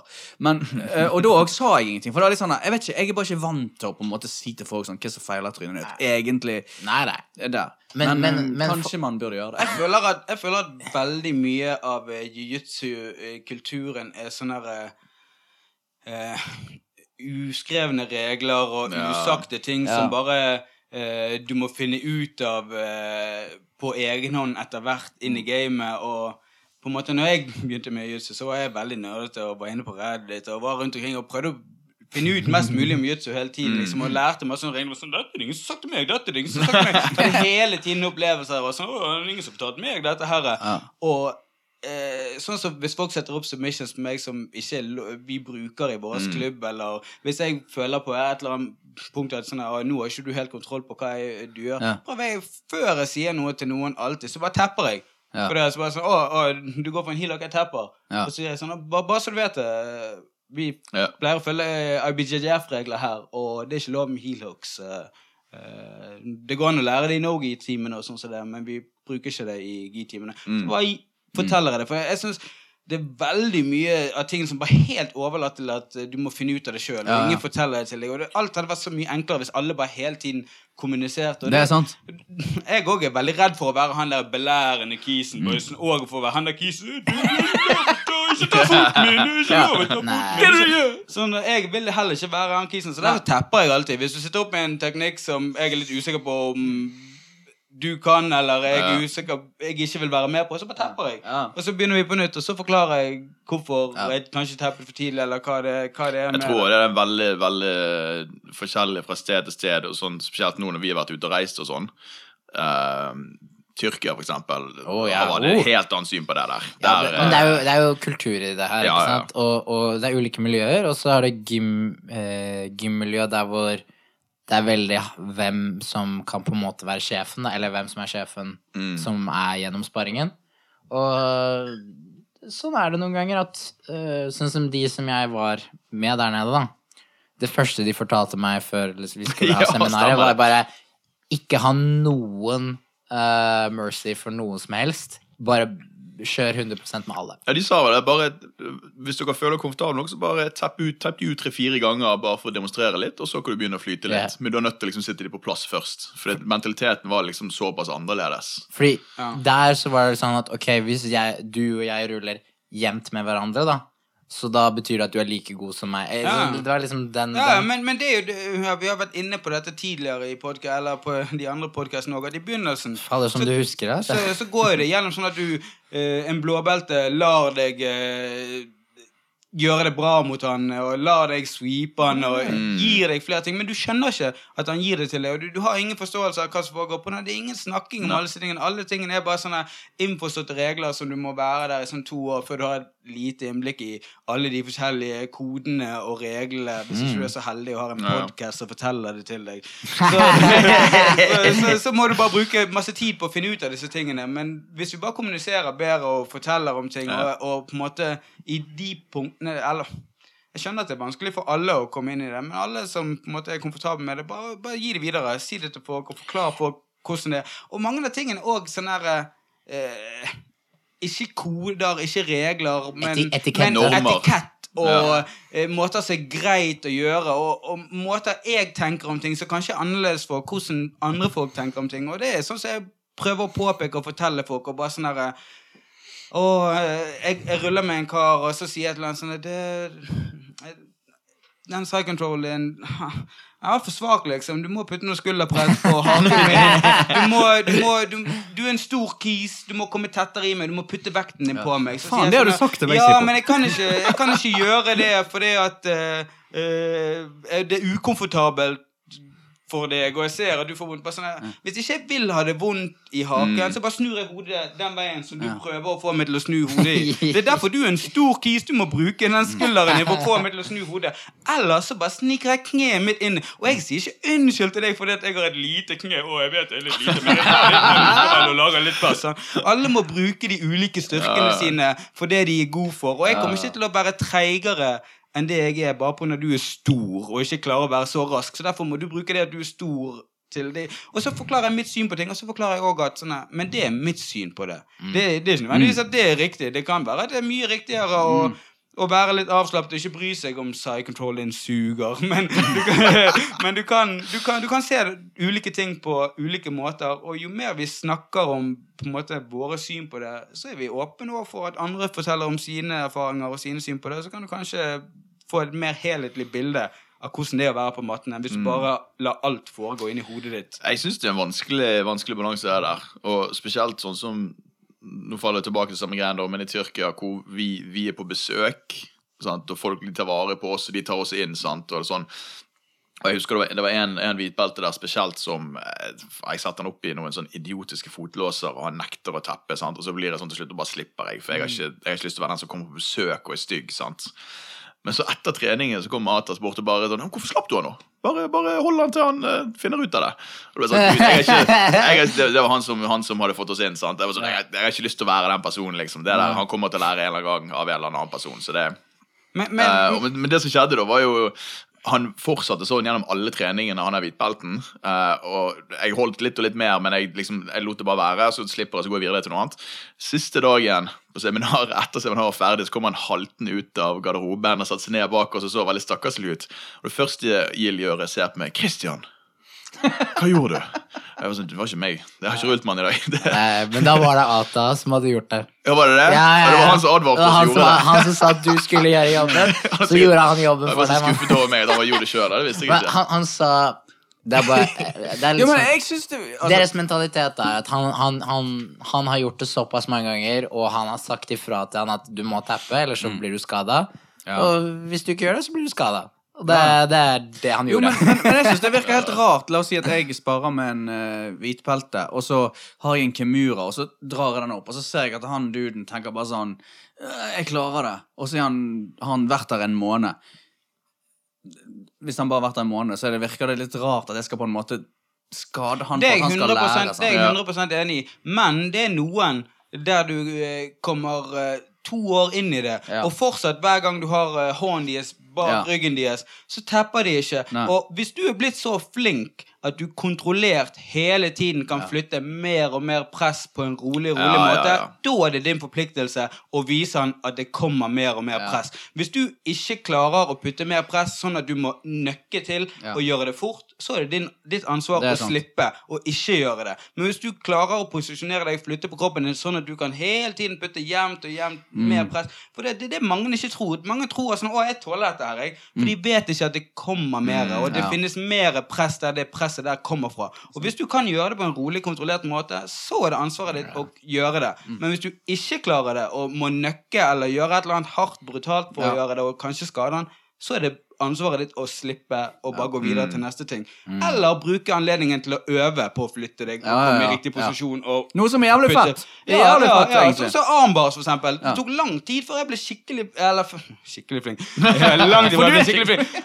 Det tok lang tid før jeg klarte å kontrollere noen i armbar-posisjon. Mm. Istedenfor bare presse hoften min opp i albuen deres og håpe at de tepper, men å Ja. klare å holde armen deres her idet de gikk ene veien, vende av Tommelis i andre veien for å tvinge de tilbake igjen, og klare å presse hodet deres ned med Og klare å kontrollere folk i submission-posisjoner er en kunst, det òg. Ja, ja, ja. Så du, på en måte, jo mer tid du bruker på å prøve å kontrollere uten å gjøre drastiske ting der, istedenfor å bare eksplodere for å få submission, så utvider du gamet ditt òg og lærer mye av det. Mm. Det Jeg, jo eh, det- jeg er lurer på om uh, du skal ta en siste ting Ja.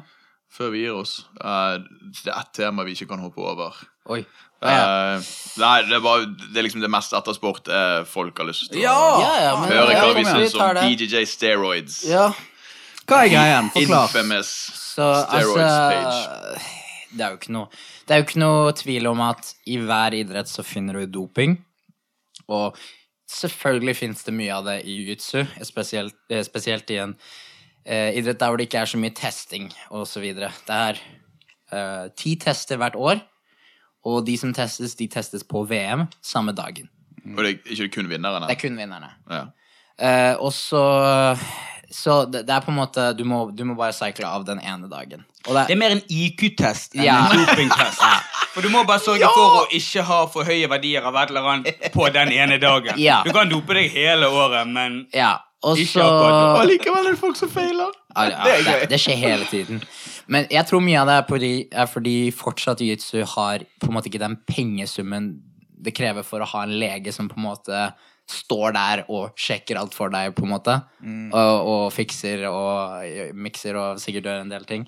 Men, men i forhold til uh, doping, da, så har det kommet da en Instagram-konto som heter da BJ Steroids. Og den er jo på en måte lagd for å henge ut de som doper seg, og da skape et slags Uh, Et lys på det. Et lys på Ja. Kan jeg bare spørre, Har den vært nå et års tid, eller hvor lenge har den Nei, så den startet vel en måned før VM, tror jeg. Så jeg okay. tror rundt apriltid Ok. tror jeg den startet. Og altså, lenge så var det bare en bitte liten konto med så å si ingen eh, followers, da. Ja.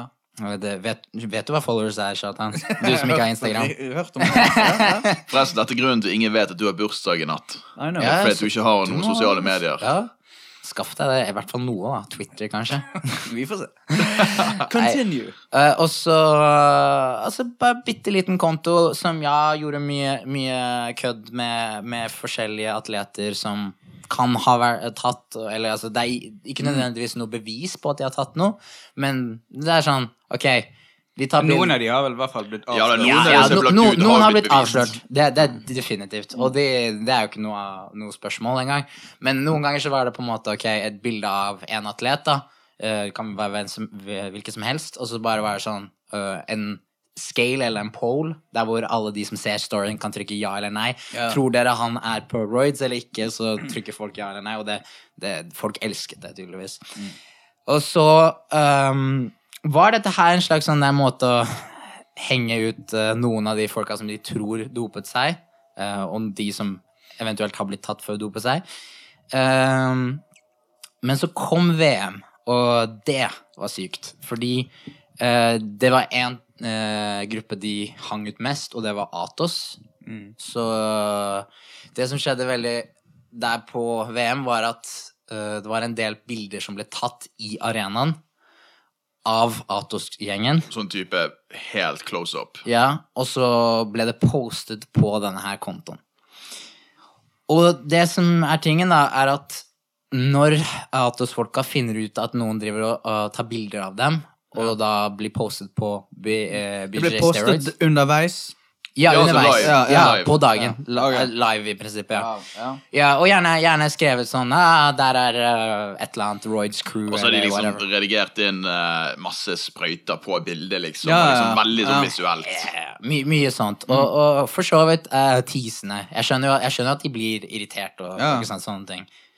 Uh, og så blir det en slags heksejakt der hvor de tror at han er til stede, han som har kontoen, da, Ja, ja. inni arenaen. Så de leter Eller tror eller vet. De vet vel at han er til stede. Nei, nei, Han har nei, nettopp nei. tatt bilde av dem Nei, og nei. logget ut. Ja, men det, er det som poenget er at det er folk som følger han, Ja. som har tatt bildene for han og Yes. sendt de til han.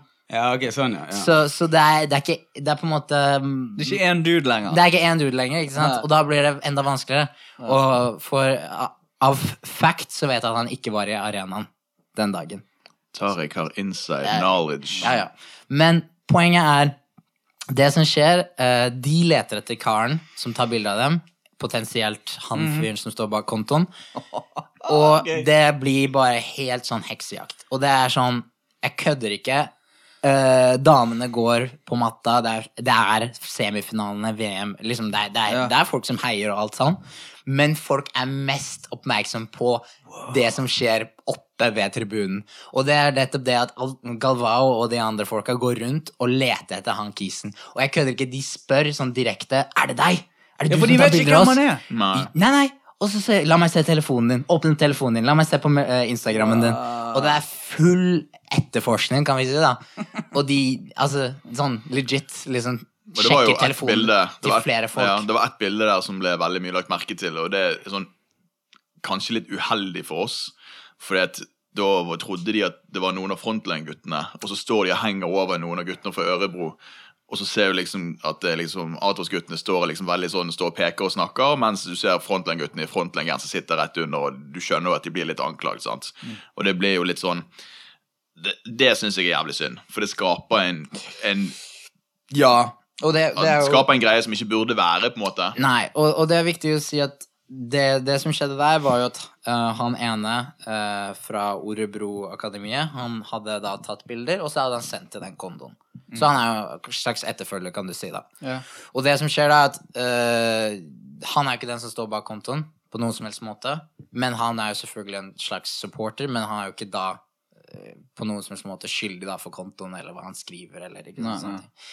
Så, så det ble en veldig sånn spesiell situasjon der, der hvor eh, Ja, han fikk et par trusler, kan vi si, da. Og Ja. så måtte jo de der gardene, de som jobber i denne her pyramiden, da, måtte jo komme og steppe inn og få de vekk. Og... Var det samme året som uh... det var noen Det, det er dette året. Ja, men det var samtidig som uh, oh, ja, du tenker på uh, Gracie um, Half? Ja, Half Gracie tok Almeidaen. Ja, ja, men, men det er jo det, det er tidligere på året. Ja. si. Det Det var ikke samme turnering? Nei, det er, Nei, nei, det er jo lenge siden nå. Nei, nei, det, er en stund Det var før, det var i fjor, var ikke det? Ja, ja, det var fjor.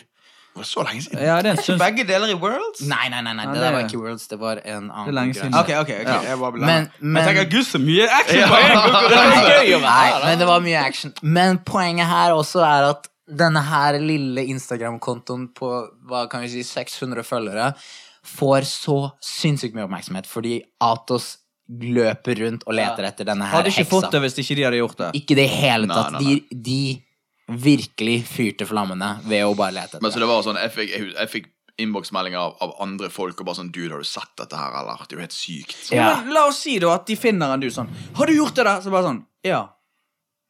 Nei, ikke, nei, nei, nei, ikke si ja! Men, Ja, men men det skal men, det? Skal de banke deg opp? Selvfølgelig skal de det. Ja, jeg Det er selvfølgelig det de skal Det er også, også saksøkere. de. Det, det, det er kampsportutøvere som er ute etter rettferdighet. Hva tror du de skal gjøre? det?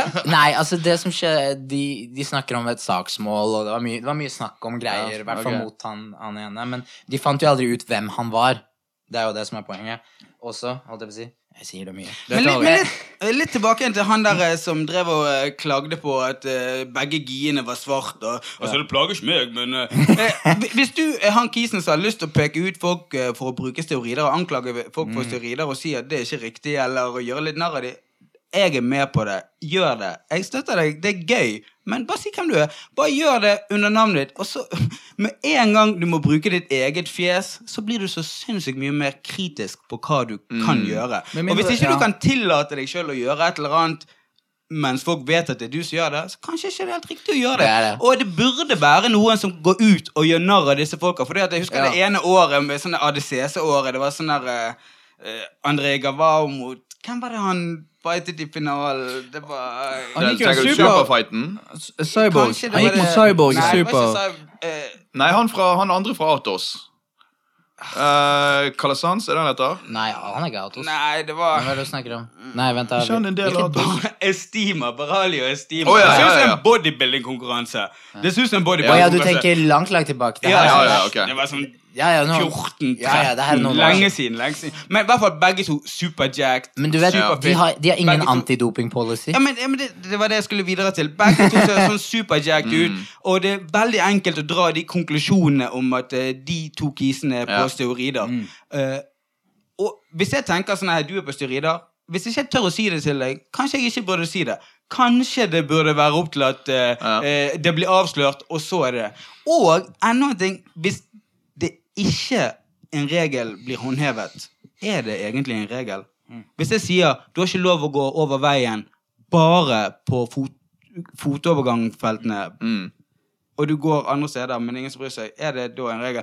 Jeg mener, Vi har tusen regler som ingen følger. Og hvis, hvis det er en regel, og det ikke blir håndhevet Hvis du ikke har et organ over som går rundt og kontrollerer og håndhever de reglene, kanskje det da egentlig ikke er en regel. Og kanskje da du må enten være kritisk til det organet som burde gjøre en bedre jobb til å faktisk overholde den regelen, og drite i alle de folka som bryter reglene. For hvis La oss si jeg var på toppen av eh, min idrettskarriere og var på vei til å få verdensmesterskap, men jeg visste jeg skulle ja, det treffe en superjacked Keys i finalen som var på steorider. Er det da feil av meg å ta steorider? Jeg, jeg vet ikke. Jeg er litt på gjerdet av de greiene. For det hvis regler ikke blir håndhevet, hvis regler ikke blir overholdt av noen fordi det ikke er noe testing eller noe kontroll, så kanskje vi skal bare slutte å kalle det for en regel, og så vente til vi er i stand til å håndheve den regelen. For jeg syns det er helt feil å si sånn at du har ikke lov til å ride. Men alle gjør det. det er- det er Hvis du vet at du går i finalen og må treffe en boligkis, Kanskje det er da mer opp til ditt moralske kompass på hva du har lyst til å gjøre. Hvis du har lyst til å gå på steroider for å vinne den finalen, så greit.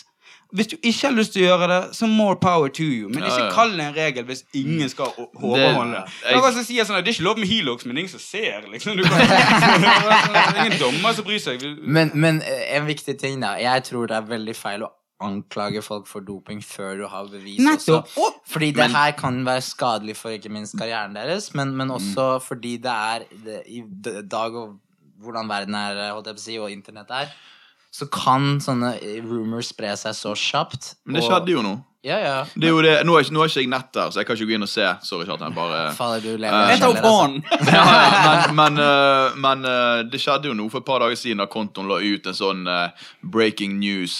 Eh, vi har uh, pålitelige kilder altså Nå bare snakker jo drev men jeg husker ikke hvordan det var. Men vi har sånne pålitelige kilder som forteller oss at uh, Kainan Duarte har eh, blåst fløyten og blitt tatt for eh, steroider i, i Worlds. sant? Og det er jo alt greit at han, eh, eller hun, eller hvem de nå er, legger det ut. Og um, det som skjedde da For han har jo ikke blitt Han har blitt anklagd, han har ikke blitt bevist noe ennå. Men neste posten Kainan Duarte la ut på Instagram, var bare 100 kommentarer nedover med sprøyter. Sant? For det, nå er det x antall tusen mennesker som følger BJ Steroids-siden. Og jeg sier ikke at han har gjort det eller ikke gjort det. Det kan være han har gjort det, kanskje det blir bevist. Men hvis det ikke blir bevist, hvis la oss si at det ikke kommer til å skje, så er det jo jævlig synd. At det, Og det er veldig mange folk du naturlig sånn anklager for å være på steorider. Sånn, ok, Gavar, du ser ut som du er på Ja, steorider. steroider. Men Miao, han ser ikke ut som han er på steorider. Ja, han ble Men han er blitt tatt på steorider. Så det er mange som er på steorider, tydeligvis. Og du kan ikke bare bruke øynene dine og bedømme. sånn derre Ok, Arnold, du er på steorider, men det er mange andre s- Lance Armstrong òg var på alle steoridene! Men du kunne ikke gjettet det. hvis du så han på problemet. Det er det som jeg syns er problemet med den kontoen. For at jeg Jeg syns det Ja, jeg syns det er underholdende. Det var en post inne jeg måtte gå inn og stemme på, så innså jeg at jeg hadde ikke lyst til å stemme på de postene. For jeg, jeg vil ikke på en måte støtte kontoen for mye, men ja, jeg følger med. Jeg tar underholdningsverdien og sånn. Jeg syns budskapet som blir ført frem, er et godt budskap, men jeg syns det er en jævlig dårlig måte å gjøre det på. Det er, Jeg det, syns det. Det er tidlig. Jeg synes det er komedie. Gjør Ja, narr av folk som tar steroider. Bare gjør narr av det. Men, Men Atos alt bommet litt, da. anonymt. Jeg er litt sånn skeptisk til Ja, det er det å være anonym Ja. og så gjøre narr av folk med navnene sine og fjesene deres. Hvis du skal bruke noen sitt navn og noen sitt fjes og gjøre narr av dem, så vis ditt navn og Ja. ditt fjes og vær helt åpen om det. Og så blir du plutselig mye mer kritisk for hva du faktisk er interessert i å gjøre. Ja. Men det var jo òg Men så kommer det inn på underholdningsdelen, for det, det har vært mye gøy der. Og det det Noe av det som har skapt den følge, følgebasen som det har fått, er jo det at det er andre utøvere som reposter det han poster fordi de syns det er så morsomt. Og det er jo noen utøvere han poster liksom eh, masse drit om, som reposter det sjøl Ja. fordi de syns det er hysterisk. Og så var det, Jeg husker det var en av guttene nede hos Henso som var så sykt fornærmet for at han ikke hadde vært med på en meningsmåling. Så han Ja. postet ut og tagget han og bare sånn Hva faen, hva med meg, liksom? Det, det, eh, det, det er dritlættis. Hva, Det liker heter han, jeg. Hva heter han? Åh. Eh, er det ikke han treneren til Gordon? Jo, jeg tror det. Han uh, oh, Har vi med i ADCC, han han. Hva faen han heter B, holdt jeg på å si. Et eller annet. Er det ikke noe med B? Jo, jeg husker ikke. Ja. Men ja. Men uh, ja, han setter et fleksebilde, da. Bare Men det, vet du hva det der minner om?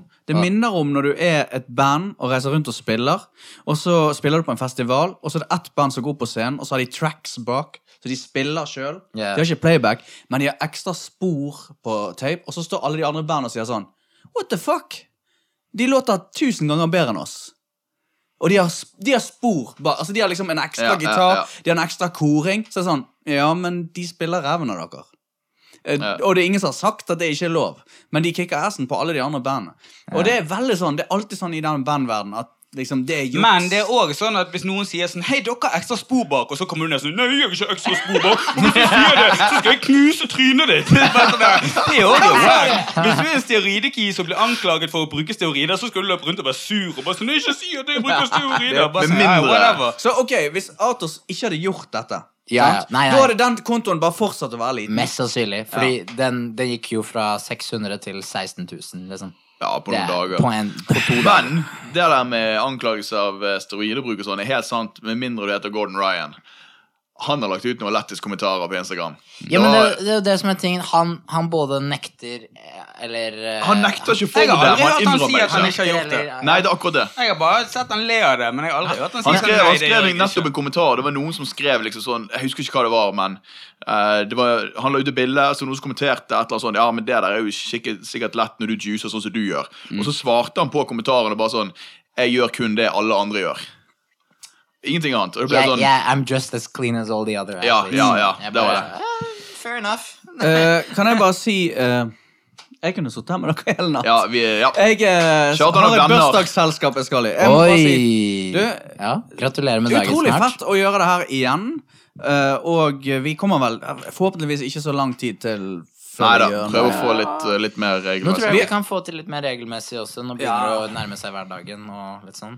Ja. Og vi har vel hatt på blokken at vi skulle gjøre en med noe, gjest, noe kvinnelige Ja, vi har lyst til å ta inn uh, disse to jentene, Gill og Marit. Marit fra, som trener på Frontland på Voss sammen med Jason. Og Gill som trener her med oss i Bergen. Uh, og Grunnen til det er bare for å få litt andre perspektiver og stille litt spørsmål og få litt andre meninger om Ja. mange av disse tingene som vi på en måte kanskje ikke kan uttale oss like mye om. Og så kan vi få litt sånn kjærlighetsdrama mellom Tariq og Gill. og få litt oi. krangling live på mikrofonen. Nei, det, det, du Det er ikke så mye krangling. Hva er det du snakker om? Men vet du hva, jeg uh, Vi klarer å skape litt intrigue. Slenge en sånn Hva syns du om at Tariq Det eneste Det var bare én liten ting i dag. Det var uh, vaske, Ja, bare si det. vaskehuset, holdt jeg på å si. Det var bare det. Så det var jeg som måtte stoppe å spille. Fordi jeg, jeg, jeg, ringte- jeg er litt lat noen ganger. da Jeg har lyst til å prokastinere, så jeg har lyst til å heller uh, game eller gjøre noe sånt på morgenen. Ja, ja, du vet. Morgenkaffen, spist litt frokost, så tenkte jeg bare ok, nå tar jeg en liten sånn kjapp runde på PC-en. Null stress. Jeg, jeg står opp, jeg ser Target på, så jeg ringer han på PC-en, liksom, og så første hører jeg kjefting i bakgrunnen. Nei, det var ikke kjefting. Det var bare Gill som bare Burde ikke vi vaske hjemme? Og så tenker jeg ok, greit, da. greit Gi meg ti minutter. på ti minutter. Ok, greit da. Men liksom den tilværelsen Sipo, altså, Som du har kids, jeg har kids altså Den tilværelsen her, det er så utrolig fremmed for meg. Bare at om, om liksom i løpet av dagen skal jeg spille dataspill eller ikke. Det er Du snakker om det livet mitt. Jeg savner, jeg savner det. Du, den. det, det var ikke lenge, da. Nå starter studiene igjen snart. Altså, du må tenke at når jeg reiser mye rundt omkring, så får jeg på en måte ikke den der lille introverte tiden for meg selv. Jo, det er nettopp det du gjør. Du reise rundt og være vekk jeg får- jeg har lyst til å reise vekk en liten tur. Og Nei, altså. Du- du er ikke hjemme, du får ikke slappet av ordentlig. Du får ikke den derre den der, bare gå hjem til meg, så får ikke du slappet av. ordentlig. oh, rollebytte! Ah, ok, Men det er ditt valg å ha tre unger, bare sånn at du vet det. Nei, det- der skal jeg forsvare si på. Nei, det var mitt valg å få to, kanskje, men den den var Gud som ga meg. Altså. Nei, konge. Tusen takk. Snakkes. Fett oppfølge. Takk for de som hører på.